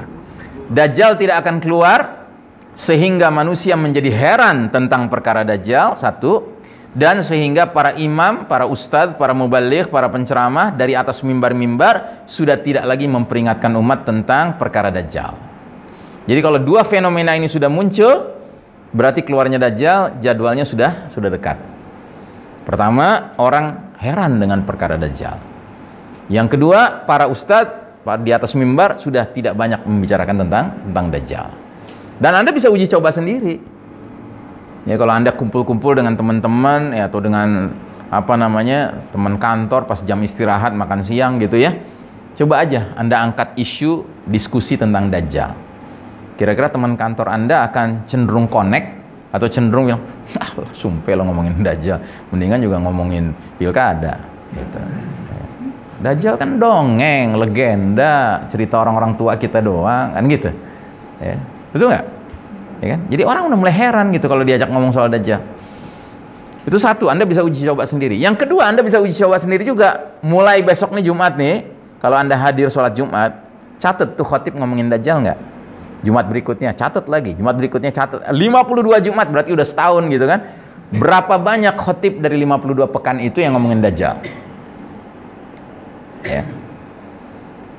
Jadi kalau dua fenomena ini sudah muncul, berarti kemunculan Dajjal sudah sudah dekat. Ya. Jadi saya tidak akan mengarahkan Anda, Anda tinggal uji coba sendiri. Yang kedua, ada hadis berbunyi yaji'ud dajjalu fayas'adu uhudan fayanzurul madinata fayaqulu li ashabih Atarawna hadzal qasrul abyad, hadza masjidu Ahmad. Saat nanti Dajjal keluar, dia akan mendaki Gunung Uhud. Dan dia dari atas Gunung Uhud akan memandang ke arah kota Madinah bersama pengikut-pengikutnya di sekitar dia. Kemudian dia akan tanya kepada para pengikutnya, "Kalian lihat itu istana putih itu? Itu masjidnya Ahmad." Masjidnya Ahmad itu maksudnya masjid Masjid Nabi Muhammad SAW, Masjid Nabawi. Jadi Bukit Uhud itu jaraknya dengan kota Madinah cuma 6 kilo, 6 kilometer tempat terjadinya perang Uhud. Jadi Dajjal akan naik, terus dia akan memandang ke kota Madinah, terus dia akan nanya sama para pengikutnya. Kalian lihat tuh istana putih itu, itu itu masjidnya Dajjal, masjidnya Ahmad, Masjid Nabawi. Pada saat Nabi mengucapkan hadis tadi, Masjid Nabawi masih sangat sederhana karena hanya terbuat dari lumpur basah, warnanya kecoklatan dan batu bata. Sedangkan saat ini sekarang Masjid Nabawi sudah berubah menjadi masjid sangat besar dan tampak indah seperti sebuah istana kan? Putih kan? Kayak istana kan? Jumlah lantainya banyak ini. Ya, Masjid Nabawi. Jadi para sahabat nggak bisa membayangkan bahwa Masjid Nabawi itu akan jadi kayak gini, nggak kebayang sama mereka. Kalau kita sekarang justru kenalnya kayak gini, disuruh ngebayangin Masjid Nabawi coklat dengan sederhana itu nggak kebayang sama kita, gitu. Karena kita generasi yang boleh jadi bakal ketemu Dajjal, gitu. Jadi sekarang masjidnya udah kayak gini, udah kayak Istana Putih. kan Dajjal bilang, kalian lihat Istana Putih itu itu masjidnya Ahmad. Ini isyarat tentang jauhnya rentang jarak waktu antara Nabi berbicara dengan Dajjal keluar. Tapi sekarang sudah kayak gini, sudah kayak istana putih. Yang berarti apa? Saat keluarnya Dajjal tampaknya udah dekat. Terus yang berikutnya, Nabi bersabda Al-Masihud Dajjal tidak akan memasuki kota Madinah yang pada saat itu nanti si Dajjal sudah keluar itu, kota Madinah memiliki tujuh pintu gerbang yang setiap gerbangnya dijaga dua malaikat. Nah ini juga menarik nih. Di masa Nabi menyampaikan hadis ini, kota Madinah tuh open city, kota terbuka. Ya, nggak ada ceritanya pintu gerbang khusus masuk kota Madinah nggak ada. Anda bisa masuk kota Madinah dari arah mana saja, sambil jalan kaki, naik onta, naik keledai, naik kuda, ya. Tapi hari ini, kalau Anda lihat peta kota Madinah, Kota Madinah punya tujuh jalan utama, jalan tol, ya, memasuki kota Madinah. Satu jalan dari arah Jeddah, satu dari Mekah, satu dari Rabih, satu dari bandara, satu dari Tabuk, dan dua dari wilayah sekitarnya. Dan itu masing-masing ada pintu tolnya, pintu masuknya. gerbangnya. Jadi hari ini tujuh pintu gerbang masuk kota Madinah sudah tersedia. Padahal kata Nabi si Dajjal munculnya ketika kota Madinah punya tujuh pintu pintu gerbang. Berarti udah matang belum? Udah matang jadwalnya. Gitu. Terus yang berikutnya, di luar kota Madinah ada sebuah bukit bergaram. Di atas bukit bergaram ini ada sebuah komplek perumahan mewah, ya. Kalau dipotret dari atas tuh kayak gini. Ya, komplek perumahan mewah ini. Ini adalah istana raja, raja kerajaan Arab Saudi. Jadi kayak semacam kumpulan villa-villa mewah gitu. Tempat raja Saudi kalau pergi ke Madinah istirahatnya di sini. Atau tamu-tamu dia, keluarga dia, ya kan? Kalau datang ke Madinah istirahatnya di sini. Ya. Apa yang unik dengan istana ini? Uniknya resminya namanya istana raja, tetapi dari mulut ke mulut orang menyebutnya istana Dajjal. Ya. Apakah itu berarti Raja Saudi Dajjal? itu terlalu terlalu terlalu cetek tuh kesimpulannya. Kenapa disebut begitu? Karena ada hadis mengatakan saat tadi si Dajjal dari ah, dari atas bukit Uhud ngelihat ke kota Madinah terus bilang kalian lihat istana putih itu tuh masjidnya Ahmad dia terus turun dia berusaha masuk kota Madinah. Nggak bisa dijaga para malaikat. Akhirnya dia pergi ke bukit bergaram. Ini tempat ini. Dia pukul serambinya. Pukulan dia kepada bukit kepada istana itu ya kan? Perumahan itu serambinya menyebabkan kota Madinah bergetar gempa tiga kali. Salasa rajafatin tiga kali gempa tiga kali getaran ya dan getaran itu menyebabkan apa orang-orang yang punya penyakit nifak munafik dan penyakit fasik di dalam hatinya itu ketakutan sekaligus mereka keluar dari kota Madinah menuju ke bukit bergaram itu memenuhi panggilan Dajjal gitu. dan Nabi menyebut hari itu sebagai Yaumul Khalas hari pembersihan kota Madinah dari hadirnya kaum munafik dan kaum fasik. Sehingga yang tersisa adalah kaum mukminin nah jadi sekarang itu udah ada di situ ya perumahan mewah yang ada serambinya itu yang nanti bakal digoncang sama si si Dajjal itu. Ya. Terus ada lagi satu hadis bunyinya wa inna huwa wa inna rabbakum bi'awar dan sesungguhnya si Dajjal itu bermata sebelah sedangkan Rob kalian Allah Ta'ala tidak awar, tidak bermata sebelah. Ya. Nah apa yang menarik dengan hadis ini? Yang menarik Nabi mengisyaratkan Dajjal itu simbolnya bermata sebelah dan hari ini simbol mata sebelah tuh laku keras ya banyak peminatnya di antaranya uang satu dolar Amerika Serikat jelas-jelas ada mata sebelahnya ya anda lihat kan di sini kan ini mata sebelahnya nih di tengah-tengah laut tengah laut Mediterania ada sebuah pulau pulau pribadi milik seorang artis kenamaan dunia. Dia bikin rumah pribadi bentuknya mata sebelah. Namanya Naomi Campbell. Dia artis kelas dunia. Ibu kota negara antum Indonesia ini ya kan? Itu di jantung kotanya ya kan? Itu simbolnya mata sebelah. Ini gambar bundaran HI bundaran HI kalau dipotret dari atasnya kayak gini persis kayak mata sebelah. Ini jalan Sudirman ini jalan Tamrin. Ya. Ini daerah orang biasa demo. Ya. Bundaran HI kan kayak, kayak mata sebelah kan? Gitu. Pernah ada sebuah reality show di televisi nasional Indonesia dikasih nama Big Brother, simbolnya mata sebelah. Ini mata sebelah ini laku banget. Terus di Australia, di kota Sydney, pada malam tahun baru perpisahan peralihan 2012 ke 2013 ya kan, pas tengah malam jam 00.00 ya kan, tiba-tiba di jembatan Sydney yang terkenal itu muncul sebuah lampu yang berbentuk mata sebelah. Ini.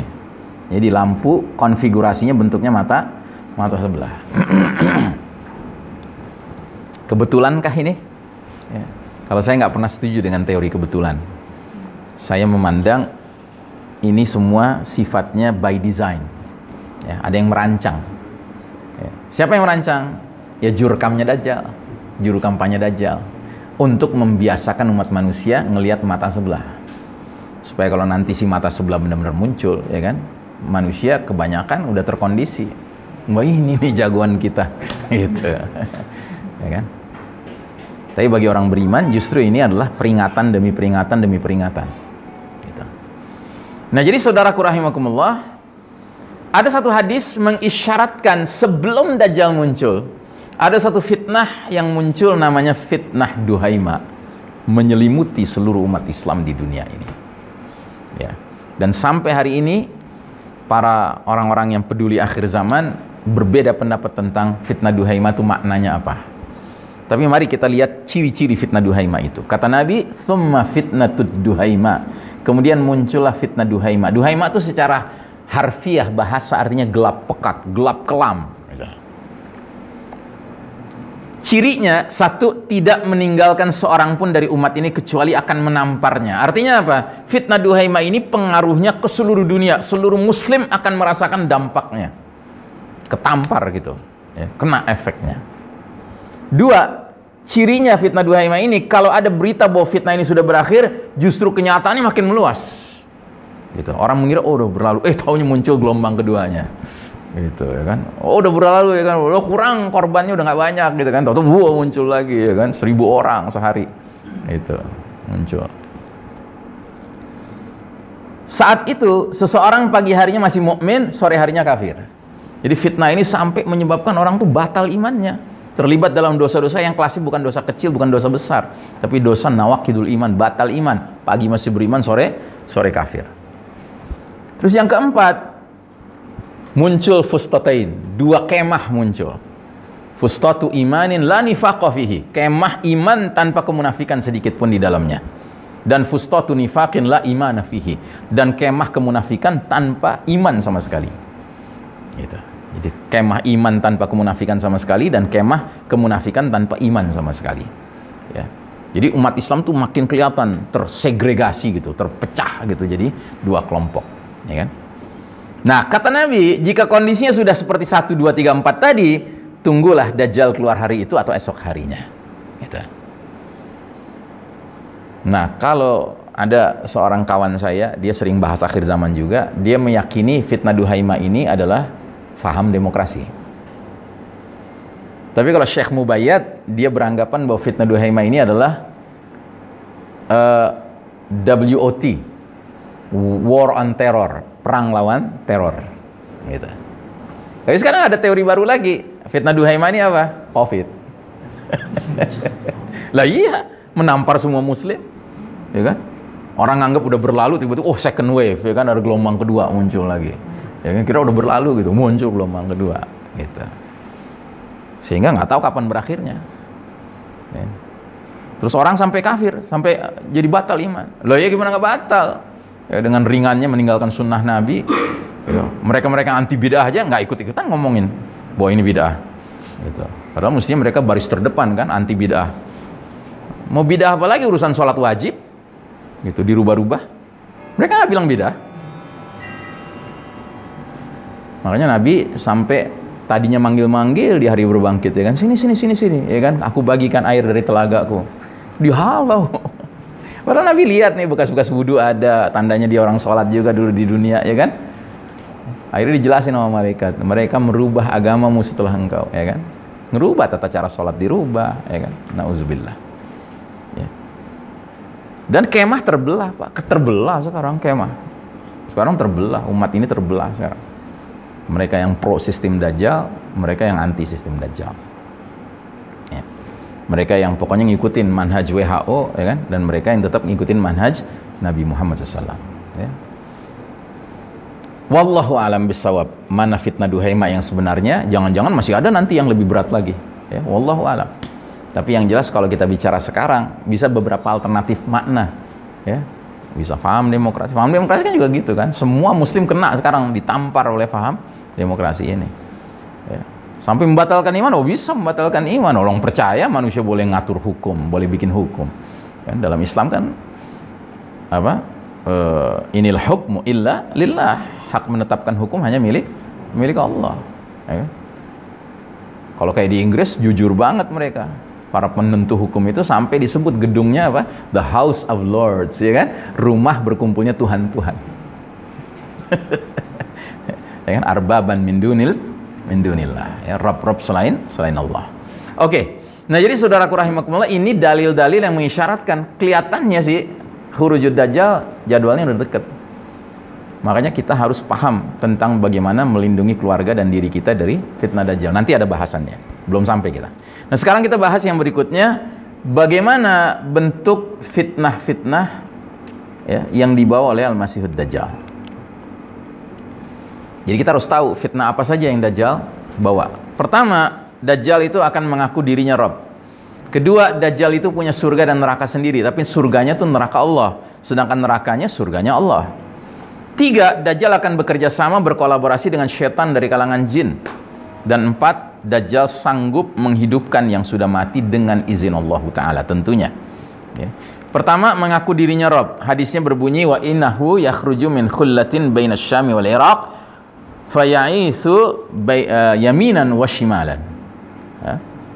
Ya ibadallah ayuhan nas fasbutu fa inni sa'asifuhu lakum sifatan lam yasifha iyahu qabli nabiyyun yaqulu ana rabbukum wala tarawna rabbakum hatta tamutu kata Nabi Dajjal itu nanti akan keluar dari celah antara Syam dan Irak lalu dia akan berbuat kerusakan di kiri dan kanan hai hamba-hamba Allah hai para manusia teguhkanlah diri kalian pendirian kalian karena aku akan jelaskan sifat-sifatnya yang belum pernah diterangkan oleh Nabi sebelumku.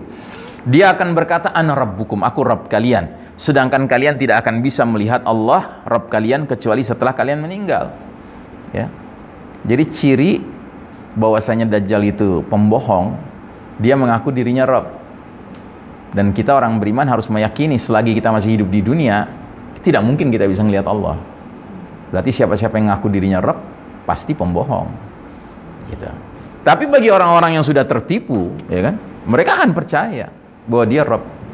Sebab jangankan Dajjal, Fir'aun aja dulu diakui sebagai Rob oleh rakyat Mesir yang sudah tersihir oleh oleh Fir'aun.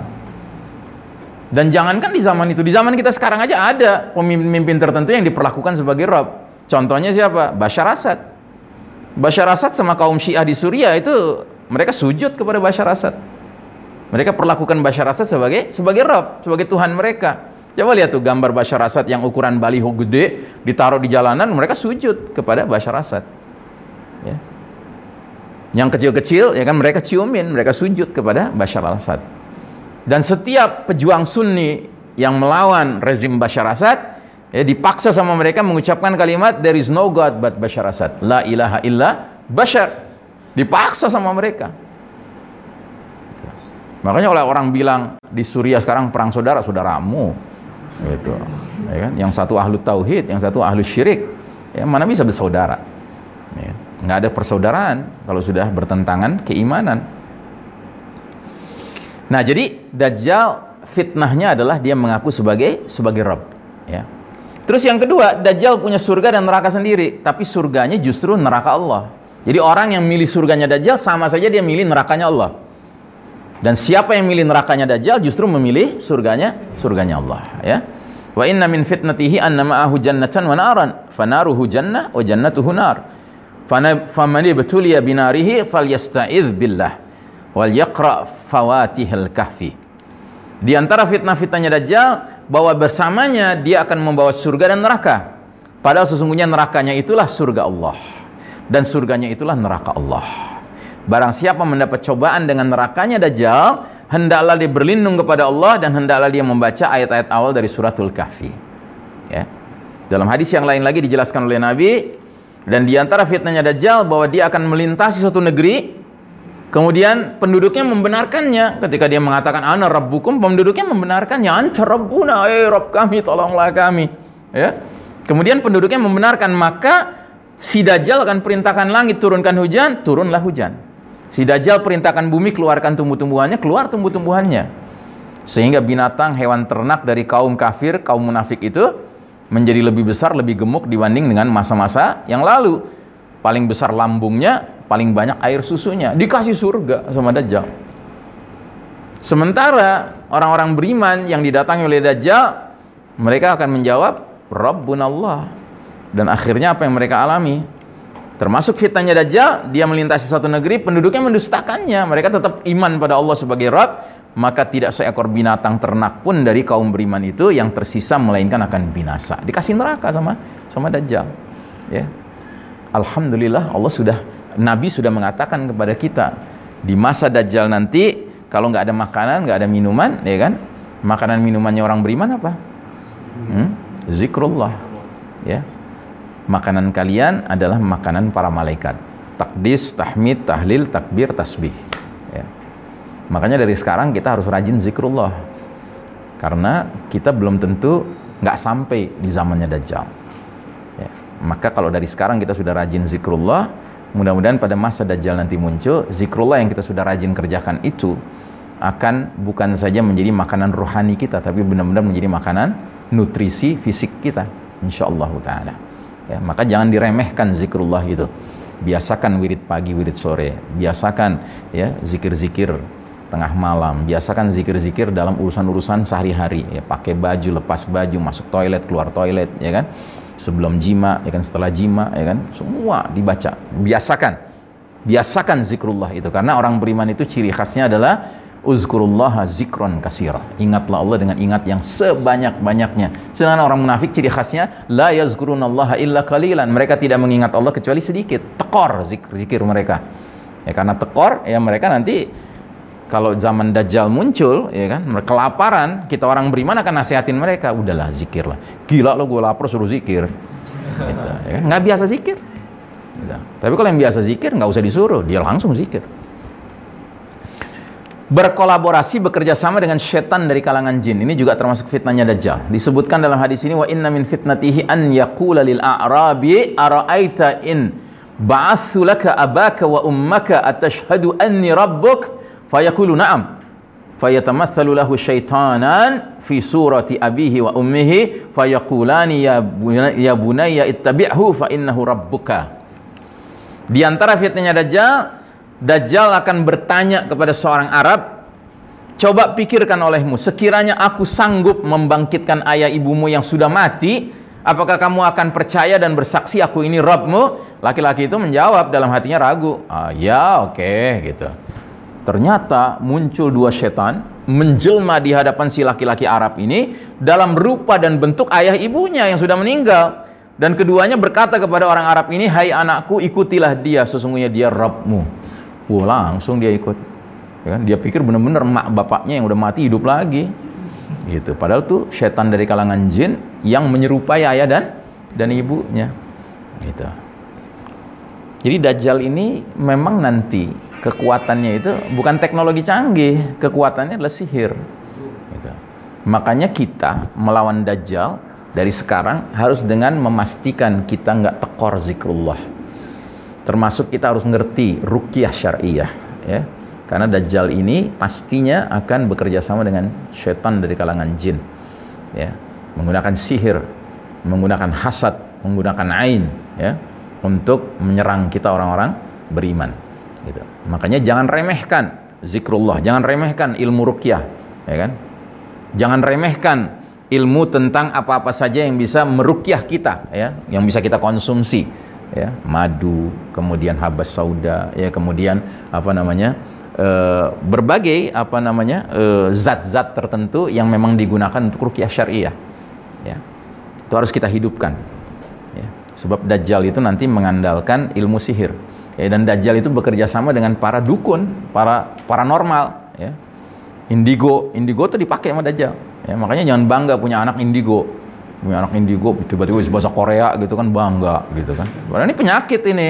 Ini goda jin digoda setan ini. Mesti dirukyah supaya hilang tuh bahasa Koreanya kecuali lewat belajar beneran. Gitu ya.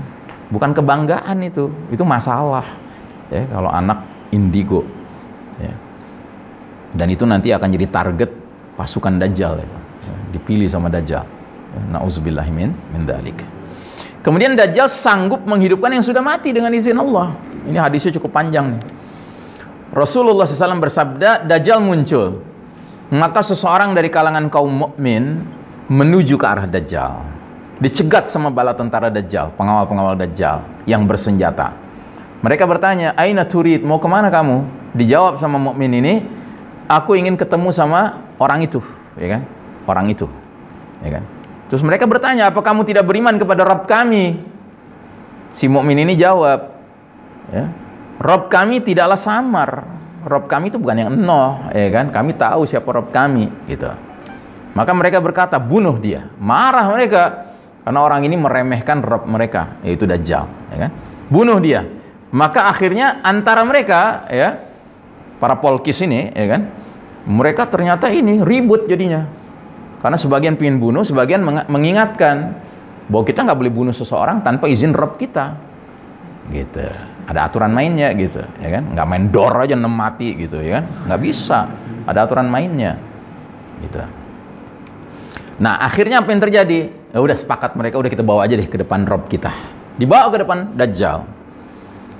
Ya maka ya mereka membawanya ke hadapan dajjal saat si mukmin tadi melihat Dajjal, si mukmin itu berkata di hadapan khalayak ramai yang menyaksikan peristiwa ini, "Hai sekalian manusia, inilah Dajjal yang disebut-sebut oleh Rasulullah sallallahu alaihi wasallam."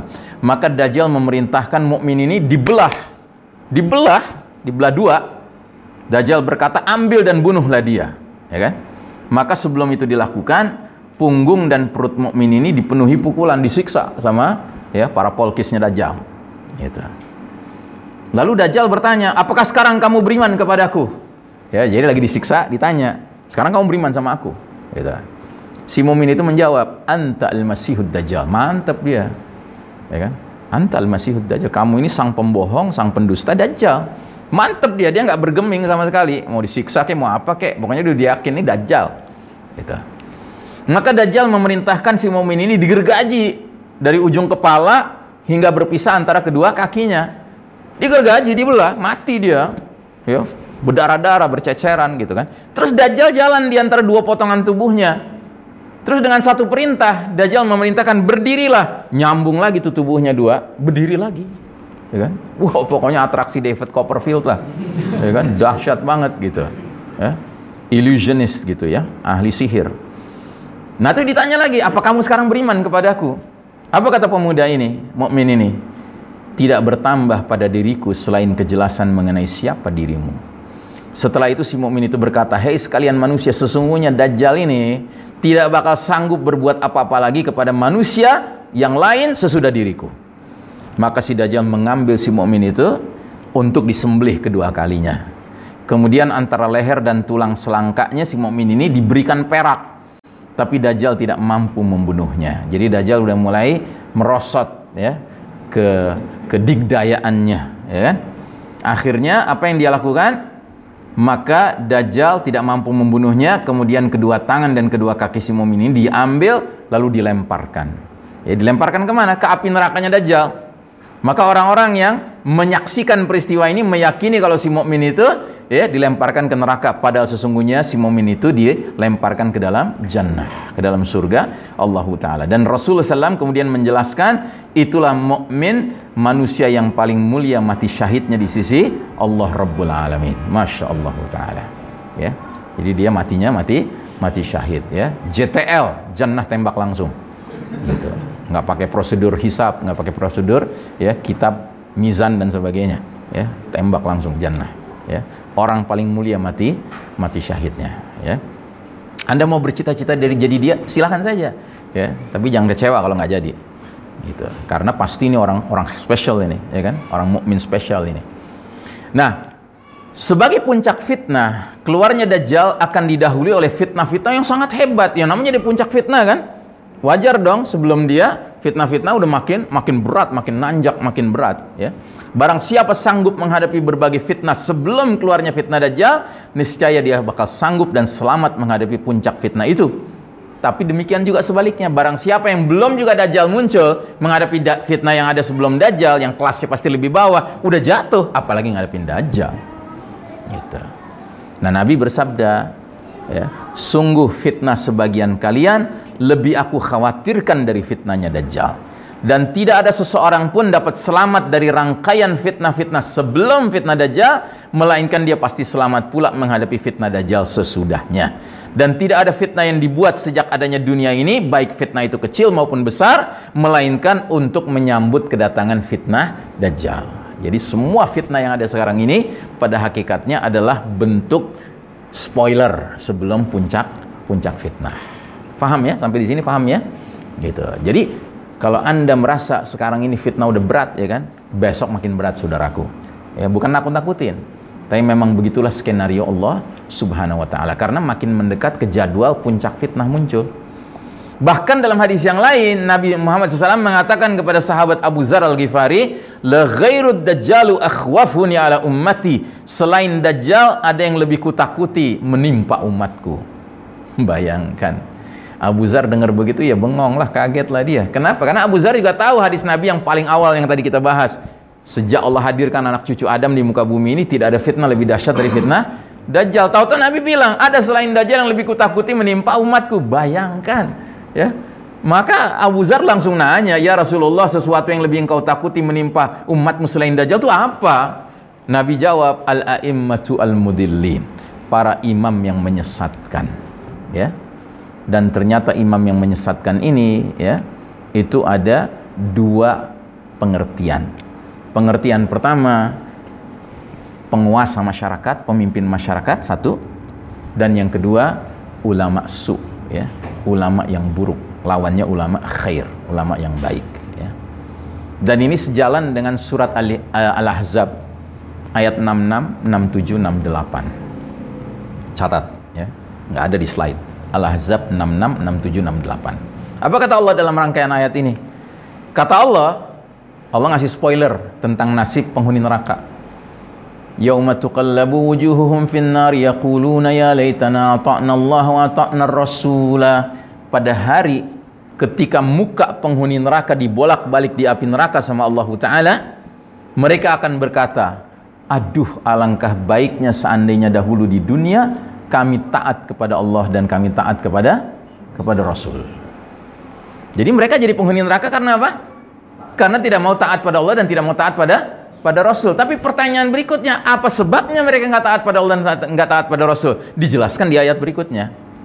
Rabbana inna ata'na sadatana wa kubara'ana fa'adalluna sabila. Ya Rabb kami, sungguh di dunia dulu kami telah mentaati para sadatana Sadatana itu apa? Pemimpin-pemimpin kami.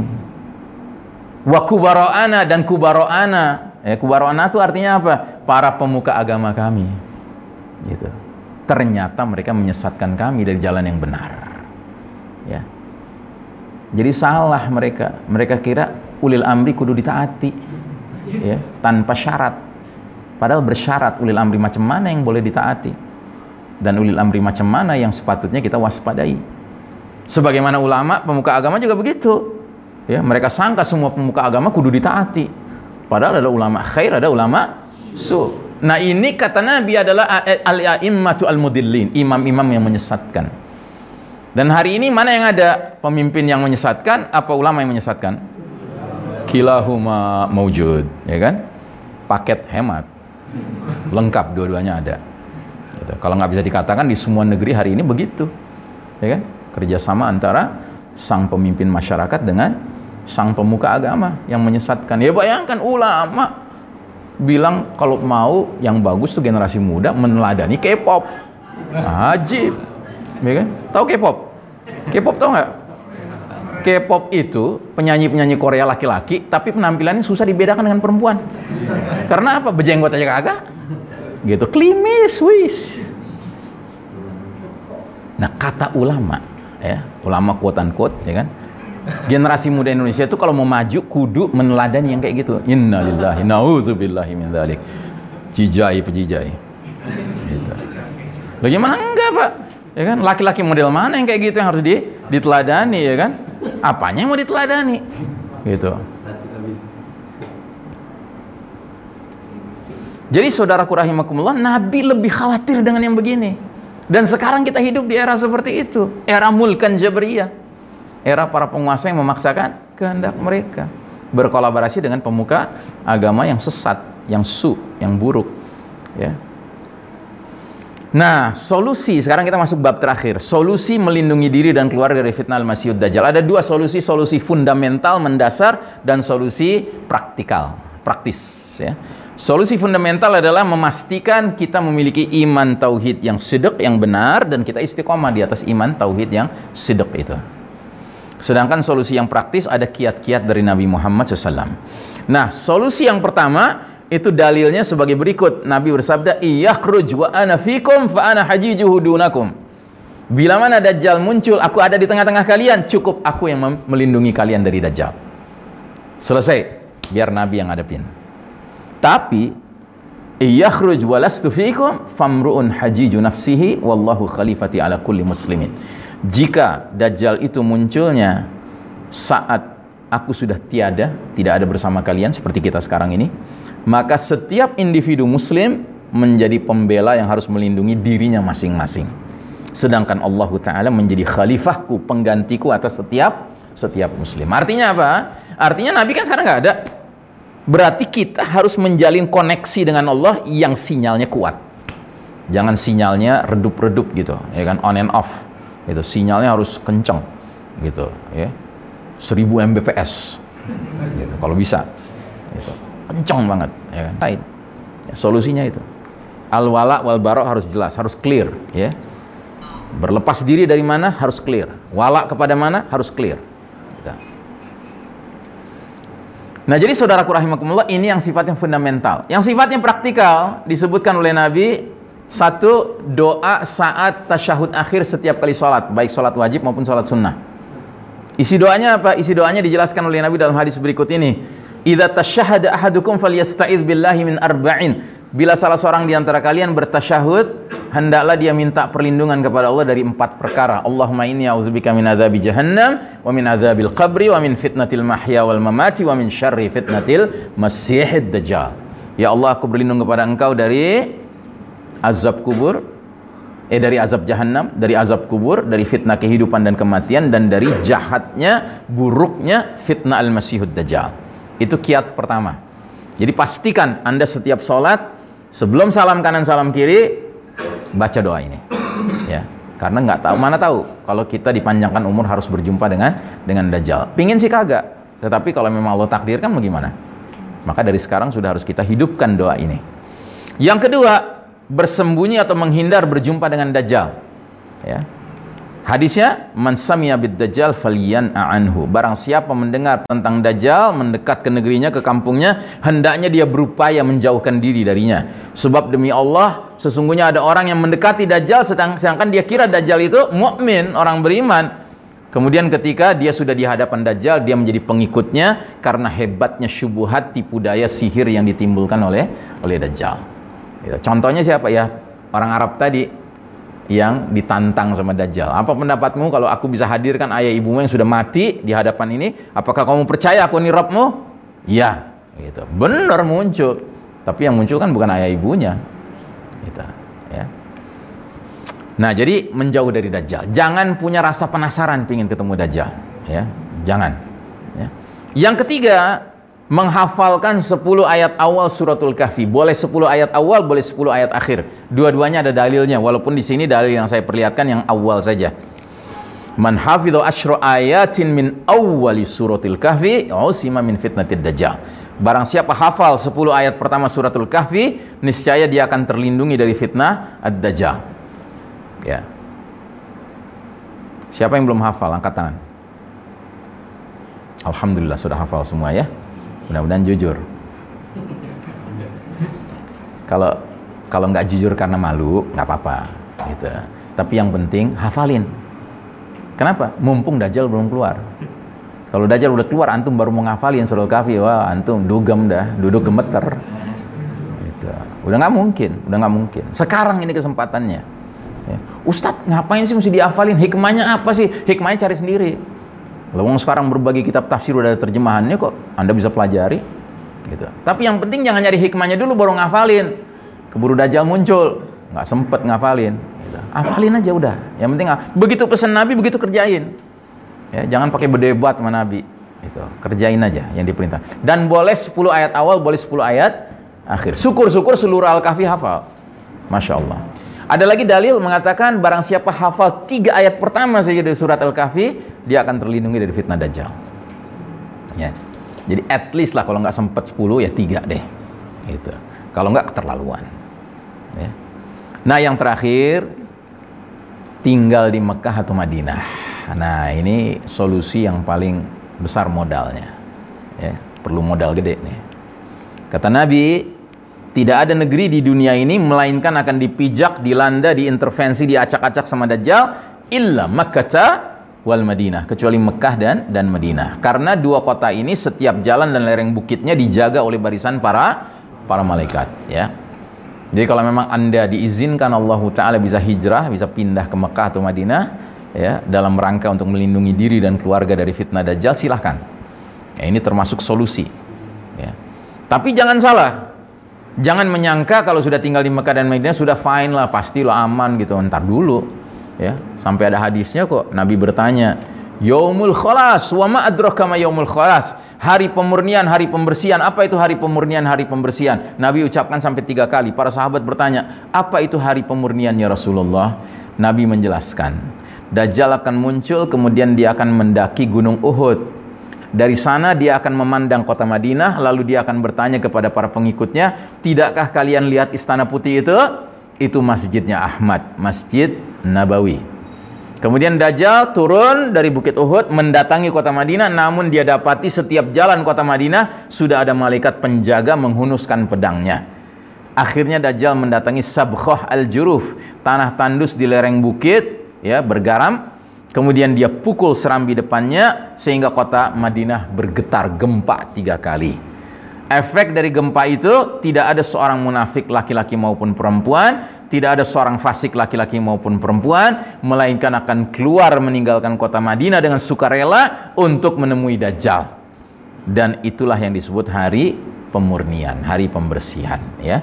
Jadi bukan soal tinggal di Mekah Madinahnya saja yang penting tetapi tinggal di situ sambil memastikan iman kita sidq ya iman kita benar bukan imannya orang munafik bukan imannya orang fasik karena orang fasik orang munafik sekalipun sudah tinggal di Mekah Madinah bisa saja terkecoh oleh oleh Dajjal. Tetap dia bisa tersihir oleh oleh Dajjal. Nah, yang paling akhir slide kita adalah mayoritas pengikut dari Dajjal adalah kaum wanita. Ya. Nabi bersabda, Dajjal akan turun di suatu dataran subur, melewati suatu lembah, dan golongan yang paling banyak keluar untuk menuju kepada Dajjal ialah dari kalangan kaum wanita.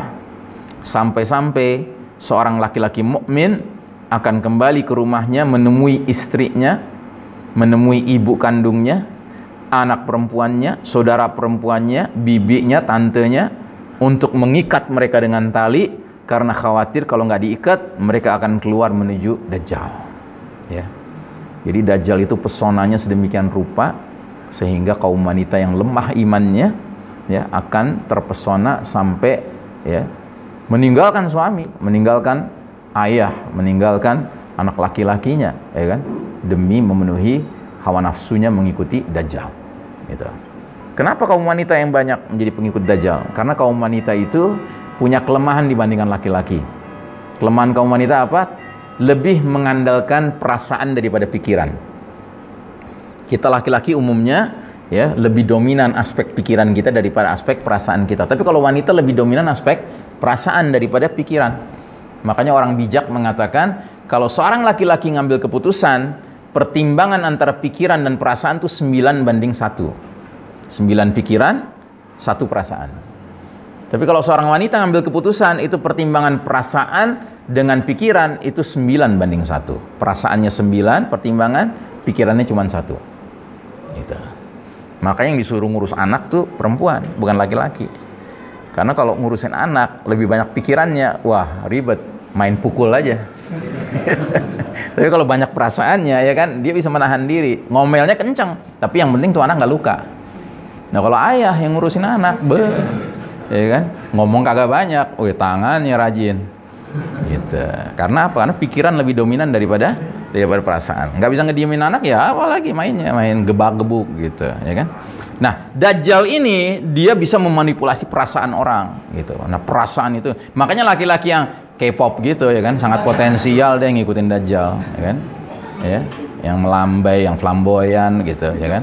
Yang lebih banyak aspek perasaan daripada pikirannya, ya wajar menjadi pengikut Dajjal. Nah, sedangkan wanita-wanita mukminah wanita mukminah itu mereka sudah mampu mengendalikan perasaan mereka sehingga pikiran mereka dengan ilmu mereka, keimanan mereka insya Allah akan terpelihara dari fitnah dajjal. Makanya pastikan anak perempuan kita, istri kita, emak kita, tante kita ya kan adalah wanita-wanita mukminah yang aspek perasaannya bisa dikendalikan oleh iman mereka.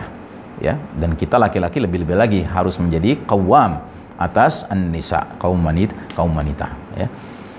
Saya kira ini yang bisa saya share pada siang hari ini. Mudah-mudahan apa yang kami sampaikan ini menjadi ilmu bermanfaat dunia dan akhirat. Mudah-mudahan kita termasuk golongan hamba-hamba Allah mukmin yang kalaupun harus ditakdirkan Allah ketemu dengan Dajjal, kita termasuk yang diselamatkan oleh Allah Ta'ala dari fitnah Al-Masihud Dajjal itu. Tapi kalau bolehlah kita memohon kepada Allah, enggak pernah harus berjumpa dengan Dajjal. Kalaupun berjumpa dengan Dajjal, mudah-mudahan pada saat kita menjadi pasukan Al-Mahdi menjelang berperang lawan Dajjal, yang pada saat itu dapat bantuan khusus dari langit turunnya Isa alaihissalam.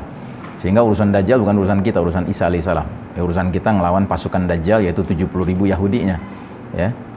Demikian wasallallahu nabiyana Muhammadin wa ala walhamdulillahi alamin wassalamualaikum warahmatullahi wabarakatuh. Baiklah, jemaah sekalian, alhamdulillah kita sudah mengikuti paparan yaitu mengenai mewaspadai al-masih dajjal bagaimana yang diutarakan Ustaz Ihsan tadi tadi ada cocokan atau kebetulan dari paparan tadi tentang kondisi saat ini. Mudah-mudahan ini bisa kebetulan apalagi cocokologi ya. Ini mungkin dibukakan oleh Allah Subhanahu Wa Taala sedikit demi sedikit dan nanti mudah nanti kita bisa membentengi keimanan kita untuk keluarga kita sekalian. Baiklah jamaah sekalian, untuk sesi kedua kita adakan tanya jawab ya. Mungkin tanya jawabnya tidak banyak-banyak paling dibatasi tiga. Yang pertama mungkin dari saya dulu Ustaz tidak pengen Gak apa-apa Sekali Ustaz pertanyaan Ustaz. Ya silakan. Ya mungkin yang mau bertanya silakan tunjuk tangan.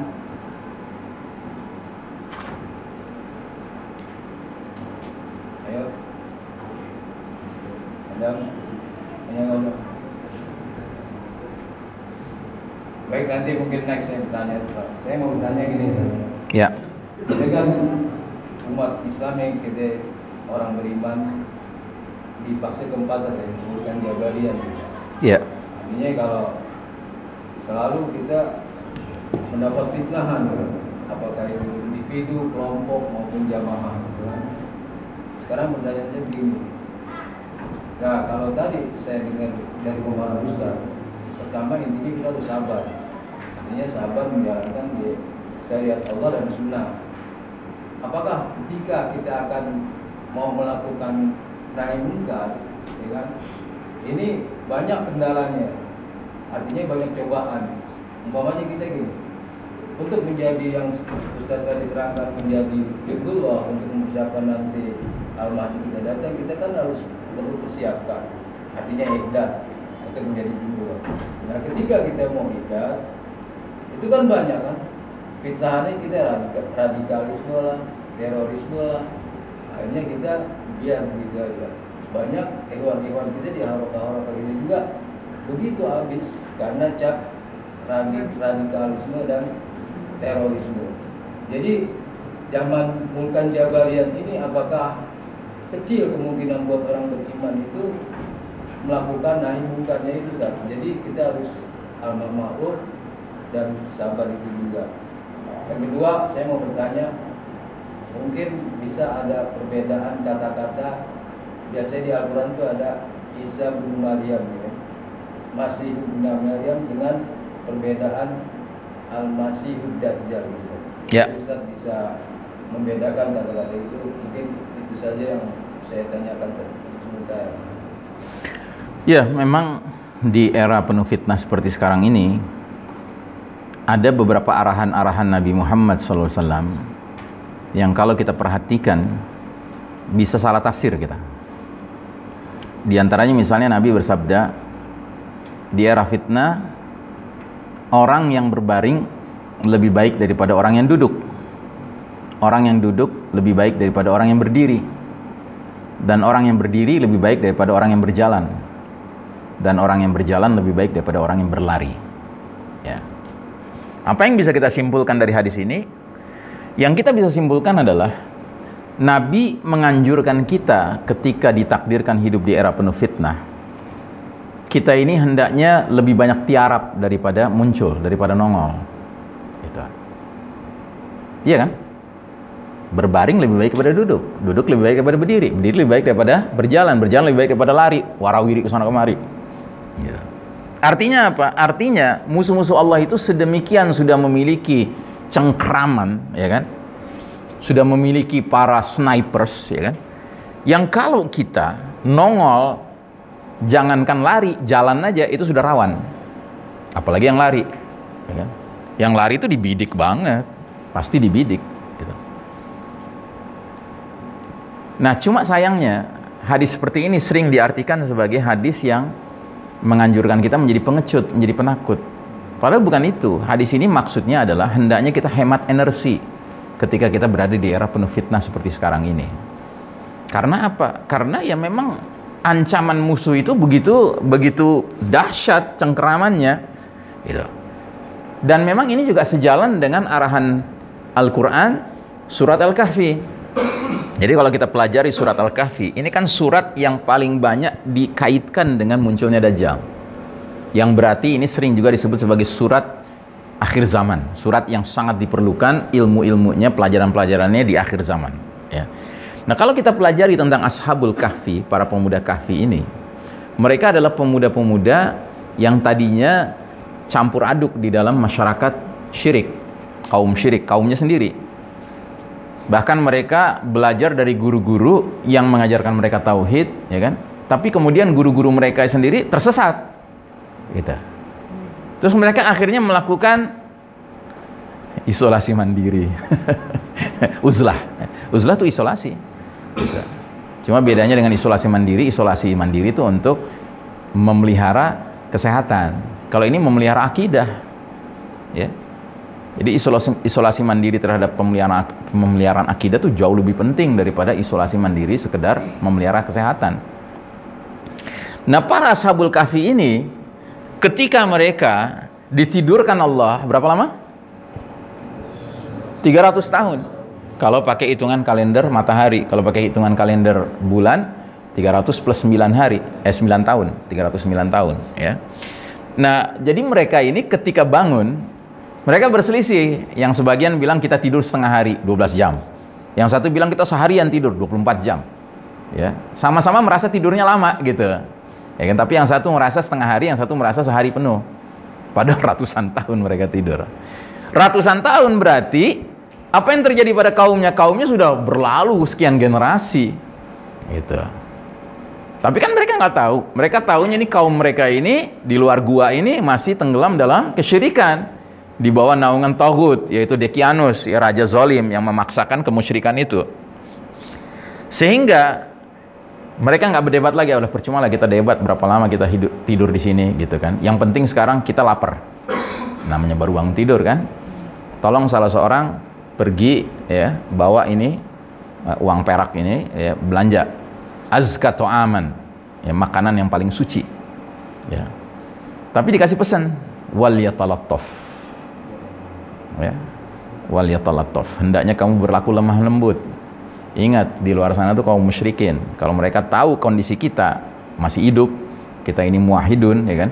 Kita bakal dirajam kita bakal dibunuh nih gitu. Jadi berlakulah lemah lembut gitu. Nah ini ini penting nih sekarang nih. Kita nih perlu wal yatalattaf. Di satu sisi kita barok sama sistem ini di satu sisi kita benci sama sistem ini tapi di lain sisi kita harus save energi ya kan? Pelihara energi kita energi kebencian kita, energi kemarahan kita harus kita save. Ya. Karena kalau tidak, ya kan, musuh-musuh Allah itu akan segera mendeteksi siapa kita. Paham ya? Jadi kita harus berlaku lemah lembut di zaman yang penuh fitnah seperti ini. Kita. Terus bagaimana bentuk nahi mungkar yang bisa kita kerjakan? Ya bentuknya adalah dalam bentuk kita edukasi, edukasi umat ini untuk ya mendalami yang ma'ruf, untuk meninggalkan yang mungkar. Ya. Dakwah harus jalan, harus jalan. Tapi yang penting kita tidak melakukan langkah-langkah yang sifatnya kayak orang berlari, kayak orang jalan, kayak orang berdiri, gitu. Tetap langkah-langkah kita seperti orang yang tiduran, tiarap, gitu. Paham ya? Nah itu arahan dari Nabi SAW. Ya. Sebagaimana arahan yang Nabi lakukan ketika Nabi dan para sahabat masih di bawah garis merah waktu masih di Mekah. Ya. Anda tahu di Mekah itu para sahabat itu kalau bicara geram geram banget ngeliatin para sahabat lainnya dianiaya, dizolimi, disiksa, ya kan Pak? Ya kan? Mereka geram sekali. Tapi dalam geramnya itu mereka ditegur sama Nabi karena seorang Khabab Ibnul Arad radhiyallahu an yang juga termasuk orang yang dizolimi, dis, disiksa, ya kan? Disuruh buka baju sama majikannya, suruh manasin batu bara, suruh tiduran di atasnya. Dia disiksa juga. Dia datang ke Nabi yang sedang senderan santai di salah satu dinding Ka'bah dia bilang, "Ya Muhammad, ya Rasulullah, tiap hari sahabat-sahabatmu disiksa. Apa enggak sepatutnya engkau mendoakan pertolongan Allah?" gitu. Ingat ya, yang dia minta tuh nggak banyak. Yang dia minta adalah, "Ya Rasul, apa enggak saatnya engkau mendoakan?" Nggak ada dia bilang, "Ya Rasul, nggak saatnya kita angkat senjata nih, kita lawan nih." gitu. Enggak, nggak minta itu, mintanya Nabi doain gitu ya kan. Nabi yang tadinya duduk santai langsung duduk tegap dengan tatapan mata tajam bertanya kepada Khobab, "Ya Khobab, belumkah sampai kepadamu berita tentang orang-orang beriman dahulu?" Mereka ditanam hidup-hidup cuman kepalanya yang nongol digergaji di belah dua. Mereka digarpu dengan garpu besar sehingga terkelupas daging kulitnya kelihatan tulangnya. Tapi mereka sabar dalam keimanan. Demi Allah yang jiwa Muhammad dalam genggamannya, Allah akan memenangkan agama ini sampai seorang wanita seorang diri melakukan safar perjalanan dari Hadramaut sampai ke Masjidil Haram ini tidak takut kepada apa pun kecuali kepada Allah Ta'ala dan serigala yang mungkin menyerangnya di tengah jalan gitu. walakinnakum tastajilun tapi kalian ini tergesa-gesa kata Nabi ya. Nah, jadi ini ini eranya kita ini harus sabar kita harus menahan diri ya kan dan melakukan apa? Melakukan pembentukan diri, pencetakan diri menjadi jundullah itu yang lebih penting. Nah, terus kalau antum mengatakan di pertanyaan kedua ya kan, kaitannya dengan masalah oh belum belum pertanyaan kedua ini masih pertanyaan yang pertama. Ya kan, kaitannya dengan edat dan sebagainya gitu kan. Ya, tinggal kita ukur aja, bisa nggak sih kita edat sekarang secara jasadi? Gitu. Bisa, tetapi bentuknya kayak apa? Kan gitu. Ya. Karena pada hakikatnya edat tuh perlu Cuma kita harus mengukur edat macam apa yang kita kerjain. Kalau edatnya itu macam yang belum apa-apa udah toing ya kan rambut mereka tuh ya para kuesus itu kuesus 88 itu ya kan ya nyari perkara kita kita sementara kita tahu bahwa nanti zaman al mahdi itu situasinya adalah nggak ada teknologi canggih ya berarti yang lebih penting kita belajar edat untuk kehidupan seperti itu nanti Nah, berarti apa yang harus kita lakukan? Edatnya. Apa yang lebih jelas? Latihan berkuda. Latihan survival. Ya. Latihan memanah gitu. Nah, latihan nembak juga nanti nggak ada senjatanya. Senjatanya bukan model begini nanti. Begitu. Jelas ya? Tapi kalau memang ngebet juga, ya kan ya berangkat aja sekarang ke tempat-tempat yang sekarang sedang berlangsung. Ya arena-arena pertarungan yang tidak fair itu. Ya, saya menyebut tidak fair karena apa? Karena mereka menguasai teknologi senjata canggih, sementara para mujahidin paling mentok AK-47, paling mentok M16, paling mentok RPG, ya kan anti tank. Sementara mereka enak-enakan pak di ruang AC pakai mouse, pakai komputer, drone, ya kan? Apa fair yang kayak gitu? Kan nggak fair. Mendingan kita siap-siap ya dat untuk ngadepin yang fair nanti. Gentle man to man gitu. Man to man attack gitu kan. Gitu. Lo tangan kosong, gue tangan kosong. Lo pakai panah, gue pakai panah. Lo berkuda, gue berkuda. gitu ya kan. Kalau sekarang kan nggak fair. Ya apa sekarang peperangan fair pak? Nggak fair. Musuh-musuh Islam mereka menguasai teknologi canggih pak, kemiliteran. Sementara kita paling mentok ya hasil curian-curian kan? Nggak banyak yang bisa kita ini kan? Tapi seperti yang saya katakan tadi kalau greget juga pengen juga eh silahkan aja. Ya silahkan aja. Cuma itu nggak bisa diseragamkan untuk semua orang. Gitu. Itu sebuah pilihan-pilihan ya yang kita semua harus mengukur diri. Gitu. kita berada pada posisi yang seperti apa. Gitu. Karena ayatnya sangat jelas. Kullun ya'malu ala syakilati. Tiap-tiap orang akan beramal sesuai dengan keadaan yang Allah berikan pada diri dia. Yang berbeda-beda pastinya. Berbeda-beda. Gitu. nah jadi saudaraku rahimakumullah itu pertanyaan pertama. Pertanyaan yang kedua soal istilah al-masih ya. Jadi istilah al-masih disematkan kepada Isa alaihissalam tetapi juga disematkan kepada ad-dajjal dan inilah kelebihan bahasa Arab dibandingkan semua bahasa lain di muka bumi ini. Bahasa Arab adalah bahasa yang sangat kaya. Sering satu istilah yang sama punya makna lebih dari satu. Dan sering maknanya bertentangan satu sama lain. Contoh kata Adam itu bisa berarti laki-laki yang berkulit putih tapi juga Adam bisa berarti laki-laki berkulit gelap. Kita nggak akan ngerti yang mana yang dimaksud kecuali kalau kita ngerti bahasa Arab dengan segala konteks kalimatnya pembicaraannya nah sama juga dengan Al-Masih Al-Masih itu punya pengertian juru selamat. Tapi Al-Masih juga punya pengertian sang penipu, sang pendusta, sang penghapus. Penghapus apa? Penghapus iman. Jadi Dajjal dijuluki Al-Masihud Dajjal karena dia sang penghapus keimanan. Dia sang penipu, sang pendusta. Sementara Isa alaihissalam dijuluki Al-Masih Isa alaihissalam karena dia sang juru selamat. Dialah yang nanti yuqatilun nas alal Islam. Dia memerangi umat manusia atas dasar Islam. Dia akan mengajak semua ahli kitab, semua orang kafir untuk memilih satu dari dua pilihan. Aslim taslam, masuk Islam engkau akan selamat dunia akhirat atau enggak dibunuh. Gitu. Makanya dia juru selamat di akhir zaman. Ya. Nah, tapi orang-orang yang salah alamat akan melihat Isa alaihissalam sebagai al-masih pendusta, sebagai al-masih penghapus kebenaran. Sementara mereka akan memandang Dajjal sebagai Al-Masih juru selamat mereka. Itu. Sedangkan orang-orang beriman akan tahu Dajjal itu Al-Masih sang pendusta, Al-Masih sang penghapus iman. Sementara Isa alaihissalam sebagai Al-Masih juru selamat. Ya. ya bayangkan pasukan Al-Mahdi lagi berdoa menjelang komat subuh di Masjid Al-Umawi, ya kan? Yang termasuk ciri khasnya Masjid Al-Umawi itu selasarnya gede di tengah, Pak jadi kebanyakan pasukan Al-Mahdi itu ngeliat langsung ke langit berdoa gitu menjelang komat subuh ya kan. Berdoa ya Allah, sebentar lagi kami akan berperang lawan Dajjal dan 70 ribu pasukan Yahudinya ya Allah berikanlah pertolonganmu ya Allah. Dan lagi begitu tahu tuh turun Isa salam di situ. Ya di menara putih masjid itu dibawa oleh diantar oleh dua malaikat satu di kanan satu di kirinya Isa salam. Wah gimana perasaan mereka coba? Ya, perasaan mereka langsung, wah ini Al-Masih, ini juru selamat kita. Ini yang bakal ngebunuh si Dajjal, udah selesai nih, perang ini selesai nih. Gitu. Habislah dajjal. Begitu. Ya. jadi bisa dibayangkan pasukan Al-Mahdi itu langsung naik moralnya ngelihat Isa alaihissalam turun. Dan Al-Mahdi langsung menawarkan Isa alaihissalam untuk mimpin sholat subuh itu. Tapi Isa alaihissalam tidak mau demi Allah ini kelebihan umat Muhammad dari umat lainnya. Sebagian kalian sudah ditetapkan jadi pemimpin bagi sebagian lainnya. Dia dorong Al-Mahdi mimpin. Dia makmum di belakang Al-Mahdi. Untuk sekaligus mengingatkan kita bahwa walaupun dia nabi tapi dia bukan nabi membawa ajaran baru. Ya, dia adalah pengikut Nabi Muhammad SAW dan nanti setelah selesai sholat baru dia perintahkan Al-Mahdi buka pintu gerbang masjid. Begitu dibuka Dajjal udah nongol di situ sama 70 ribu pasukan Yahudi. Ngepung masjid itu. Tapi begitu Dajjal menatap hadirnya Isa alaihissalam di tengah pasukan Al-Mahdi samping Al-Mahdi Dajjal menjadi seperti garam disiram oleh air. Garam kalau disiram oleh air jadi apa? Eh?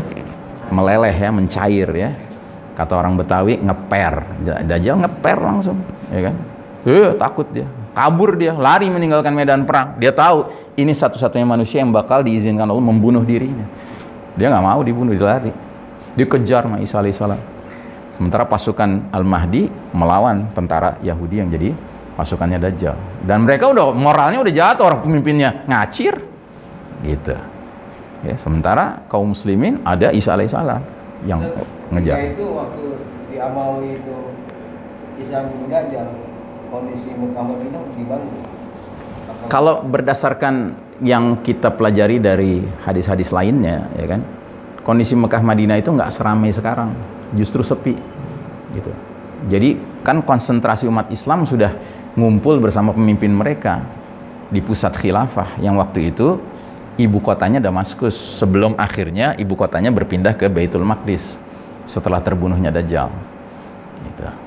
Nah jadi apa namanya e, negeri semenanjung Arab ini nggak seramai sekarang. Gitu. Yang ramai adalah wilayah Syam ketika itu. Ya. Wallahu alam bisawab. Begitu yang kita pahami dari kronologi peristiwa demi peristiwa yang terjadi selama ini dari nas-nas Nabi Muhammad SAW. Jadi begitu ya soal perbedaan istilah al-masih kok disematkan pada Isa alaihissalam tapi juga disematkan kepada ad-dajjal. Ya. Cukup? Baik jamaah, ada?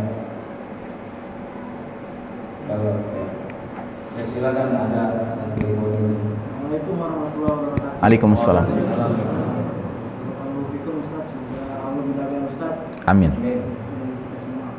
istiqomahkan.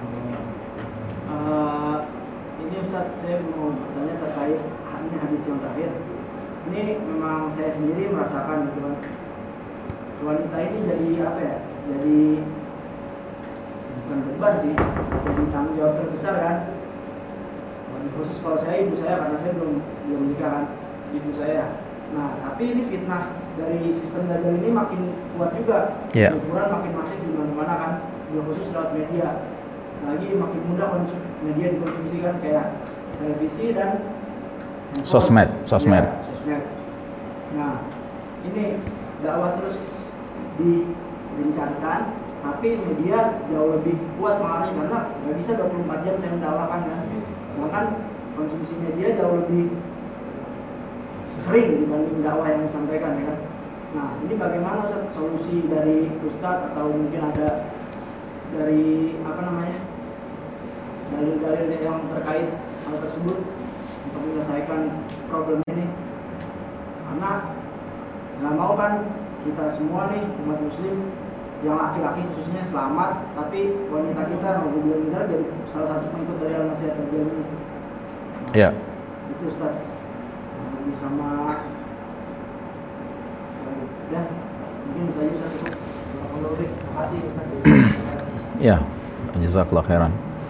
Ya, saya teringat ada ungkapan dari seorang eh, ulama dakwah, ya. Ungkapan itu berbunyi aslih nafsak wad'u ghairak. Aslih nafsak itu artinya perbaiki dirimu dan ajaklah orang lain. Ini berlaku untuk setiap muslim dan muslimah. Ya. Dan orang lain itu tentunya orang lain yang terdekat dengan diri kita. Jadi tidak mungkin kita bisa mengajak orang lain termasuk ibu kandung kita untuk mengikuti ya jalan Siratul Mustaqim ini, jalan tauhid ini, ya, jalan penuh cahaya kebenaran ilahi ini sebelum kitanya sendiri memperbaiki diri. Kalau kita bicara tentang gencarnya media, gencarnya sosmed dibandingkan dengan gencarnya kita berdakwah, ya kan? kita akan selalu pesimis. Kenapa? Ya karena memang benar, gencar banget kan media kan? Gencar banget apa-apa informasi yang berseliweran di sosmed dibandingkan dengan gencarnya kita dan kemampuan kita untuk bisa berdakwah. Tapi jangan lupa bahwasanya hidayah itu milik siapa? Milik Allah. Ya. Hebatnya, gencarnya media, gencarnya sosmed, ya kan? Itu bisa menjadi nggak ada pengaruhnya kalau seandainya kita sekalipun kuantitas ya frekuensi berdakwah kita kepada emak kita yang kita cintai karena Allah ya, itu benar-benar berkualitas kalau dia benar-benar berkualitas ya kan gencarnya media tuh nggak ngepek sama emak kita tapi yang ngepek tuh apa-apa yang kita ajak ke dia ya kan? makanya jangan putus asa ya. dan jadikanlah pertolongan Allah itu sebagai pertolongan yang paling pertama. Dengan kata lain nyangkul tengah malam. Ya harus rajin nyangkul kita. Di tengah malam itulah saat yang paling tepat untuk kita minta pertolongan Allah. Yang memang Allah Ta'ala lewat lisan nabinya menyuruh kita untuk memuliakannya sebelum manusia lainnya setelah Nabi Muhammad SAW yaitu mak kita ya kan Ya kan? Ditanya sama seorang sahabat, "Ya Rasulullah, siapa manusia yang harus kuhormati paling pertama?" Kata Nabi, "Ummuka ibumu." Habis itu siapa? "Ummuka ibumu." Habis itu siapa? "Ummuka ibumu." Habis itu siapa? "Abuka," ayahmu. Ya kan? Tiga kali Nabi membandingkan pentingnya kita menghormati emak ya, baru kemudian menghormati ayah. Gitu. Jadi antum punya niat seperti itu saja itu sudah sebuah pertolongan dari Allah bahwa antum peduli dengan emak antum. Gitu dan memang justru antum masih jomblo begini, antum harus fokuskan di situ. Dan kalau antum sudah mulai berpikir mencari calon, pastikan calon antum itu cocok dengan emak antum. Gitu. Karena calon kita ini jangan sampai malah jadi pengganggu kita mau berbakti pada ibu kita. Oh, berat urusannya. Sampai Nabi Ibrahim alaihissalam ngasih isyarat sama anaknya Ismail alaihissalam ganti tuh palang pintu. Gitu. Tahu kan ceritanya? Ya, Saking kecewanya Ibrahim ketemu sama mantunya, istrinya Ismail yang kelakuannya nggak beres. Dikasih isyarat doang gitu kan, ganti tuh palang pintu. Nggak beres nih palang pintu. nah, jadi antum sudah punya niat yang baik dan niat baik itu harus antum pupuk dengan cara apa? Antum rajin-rajinlah memohon kepada Allah agar Allah ngasih hidayah sama emak antum. Dan antum minta sama Allah supaya antum dikuatkan iman antum, takwa antum, akhlak karimah antum, sehingga lewat itu semua ketika antum ngajak ibu antum, ya kan? Allah menjadikan ibu antum tuh lebih mendengar antum daripada mendengar media massa, mendengar sosmed, gitu. Percayalah, ya kan? Seorang ibu itu akan bangga dengan anaknya kalau dia percaya anaknya itu memang berniat baik. Itu pasti. Kenapa? Karena seorang ibu jangankan anaknya baik, anaknya bandel itu tetap dia sayang Gitu. Apalagi anaknya baik. Gitu. Dan antum memperingatkan dia tentang hal-hal yang penting untuk keselamatan akhiratnya. Ya dia akan mau dengar. Gitu. Ya ambillah pelajaran dari kisah siapa? Sa'ad bin Abi Waqqas radhiyallahu an. Sa'ad bin Abi Waqqas itu masuk Islam di zaman Mekah. Zaman ketika dakwah masih sembunyi-sembunyi. Dan dia waktu itu masih remaja, usianya belia, muda. Dia masuk Islam, diam-diam dia nggak mau cerita sama siapa pun, termasuk sama maknya sendiri. Tapi bocor informasinya bahwa dia udah menjadi pengikut Nabi Muhammad SAW. Sehingga ibunya tiba-tiba suatu hari menginterogasi dia. Ya saat, benarkah berita yang kudengar bahwa engkau sudah menjadi pengikut Nabi Muhammad SAW? Kata saat, nggak bisa sembunyi dia. Akhirnya dia bilang, benar wahai ibuku. Kalau itu benar, berarti sekarang juga ibu perintahkan kamu kembali ke agama nenek moyang kita menyembah berhala. Kalau tidak, ibu akan mogok makan sampai engkau mau menjalankan permintaan ibu. Wow, udah kayak petir di siang bolong kan kaget dia, sedih dia membayangkan emaknya harus mogok makan sampai dia murtad lagi. Dalam kesedihannya saat datang ke Nabi, konsultasi ya Rasulullah bagaimana nasibku? Diceritakan begini-begini. Sama Nabi nggak dijawab, malah Nabi nanya, engkau sendiri bagaimana? Pendapatmu wahai saat tentang keadaanmu. Kata saat demi Allah ya Rasulullah, aku sudah mantap dalam iman Islam ini dan aku tidak bisa membayangkan diriku menyembah berhala lagi. Mustahil itu. Kata Nabi, kalau begitu caranya, engkau berdoalah kepada Allah. Semoga ibumu mendapat hidayah. Tapi satu hal aku peringatkan kata Nabi, birrul walidain, berbuat baiklah pada kedua orang tuamu. Pulanglah dia dengan pesan Nabi ini. Apa yang dia lakukan? Sejak dapat pesan itu, semua yang diminta emaknya dia penuhi. Ya, kecuali satu, disuruh murtad lagi. Bahkan yang nggak disuruh sama emaknya, tapi dia tahu kalau dia kerjakan bikin emaknya senang, dia kerjain. Nah setelah sekian hari emaknya mogok makan, ya capek juga kan? Gitu. Akhirnya dia nanya, ya saat apakah engkau sudah penuhi permintaan ibu? Kembali ke agama nenek moyang, tinggalkan agama Muhammad yang sesat itu. Dijawablah sama saat saat dapat hidayah dari Allah, dapat ilham dari Allah, dia ngomong kalimat yang terkenal, "Wahai ibuku, sekalipun ibu mogok makan, sampai nyawa ibu melayang dari tubuh ibu, Allah ganti dengan nyawa yang baru, ibu mogok makan lagi, nyawa tuh melayang lagi, beratus-ratus nyawa keluar masuk tubuh ibu, aku tidak akan tinggalkan agama Muhammad yang sudah kuyakini kebenarannya itu." Mendengar jawaban anaknya yang begitu tegas, sambil dia ingat-ingat semenjak anaknya masuk Islam jadi anak yang lebih berbakti pada dirinya jadi anak yang lebih banyak berbuat kebaikan bagi dirinya akhirnya dia bilang apa wahai saat kalau begitu ajarkan ibumu bagaimana caranya menjadi seorang muslim Masya Allah ya kan itu ngadepin orang musyrik. Mak antum musyrik nggak? Nah, alhamdulillah muslimah kan. Artinya apa? Yang musyrik aja bisa ber, berpindah kapling jadi mukminah, jadi muwahidah. Apalagi memang sudah mu- muslimah gitu. Tinggal masalahnya aslih nafsak wad'u ghairak. Perbaiki diri, ajak orang lain. Ya, perbaiki diri antum, niscaya antum ngajak emak antum, emak antum akan ikut. Gitu, insyaallah, ya kan? Mudah-mudahan Allah mudahkan antum, Allah berkahi antum dalam mencari jalan untuk membuat ibu antum percaya ya kepada antum dan ajakan antum daripada percaya kepada ya berbagai berita yang ada di mass media yang penuh dengan fitnah sekarang ini. Insya Allah. Baiklah, jamaah sekalian, alhamdulillah pagi ini kita sudah menyelesaikan kajian. Mudah-mudahan apa yang disampaikan oleh Dila menjadi benteng untuk memperkuat keimanan kita dengan yang berseliweran dan Baiklah, jamaah sekalian. Satukan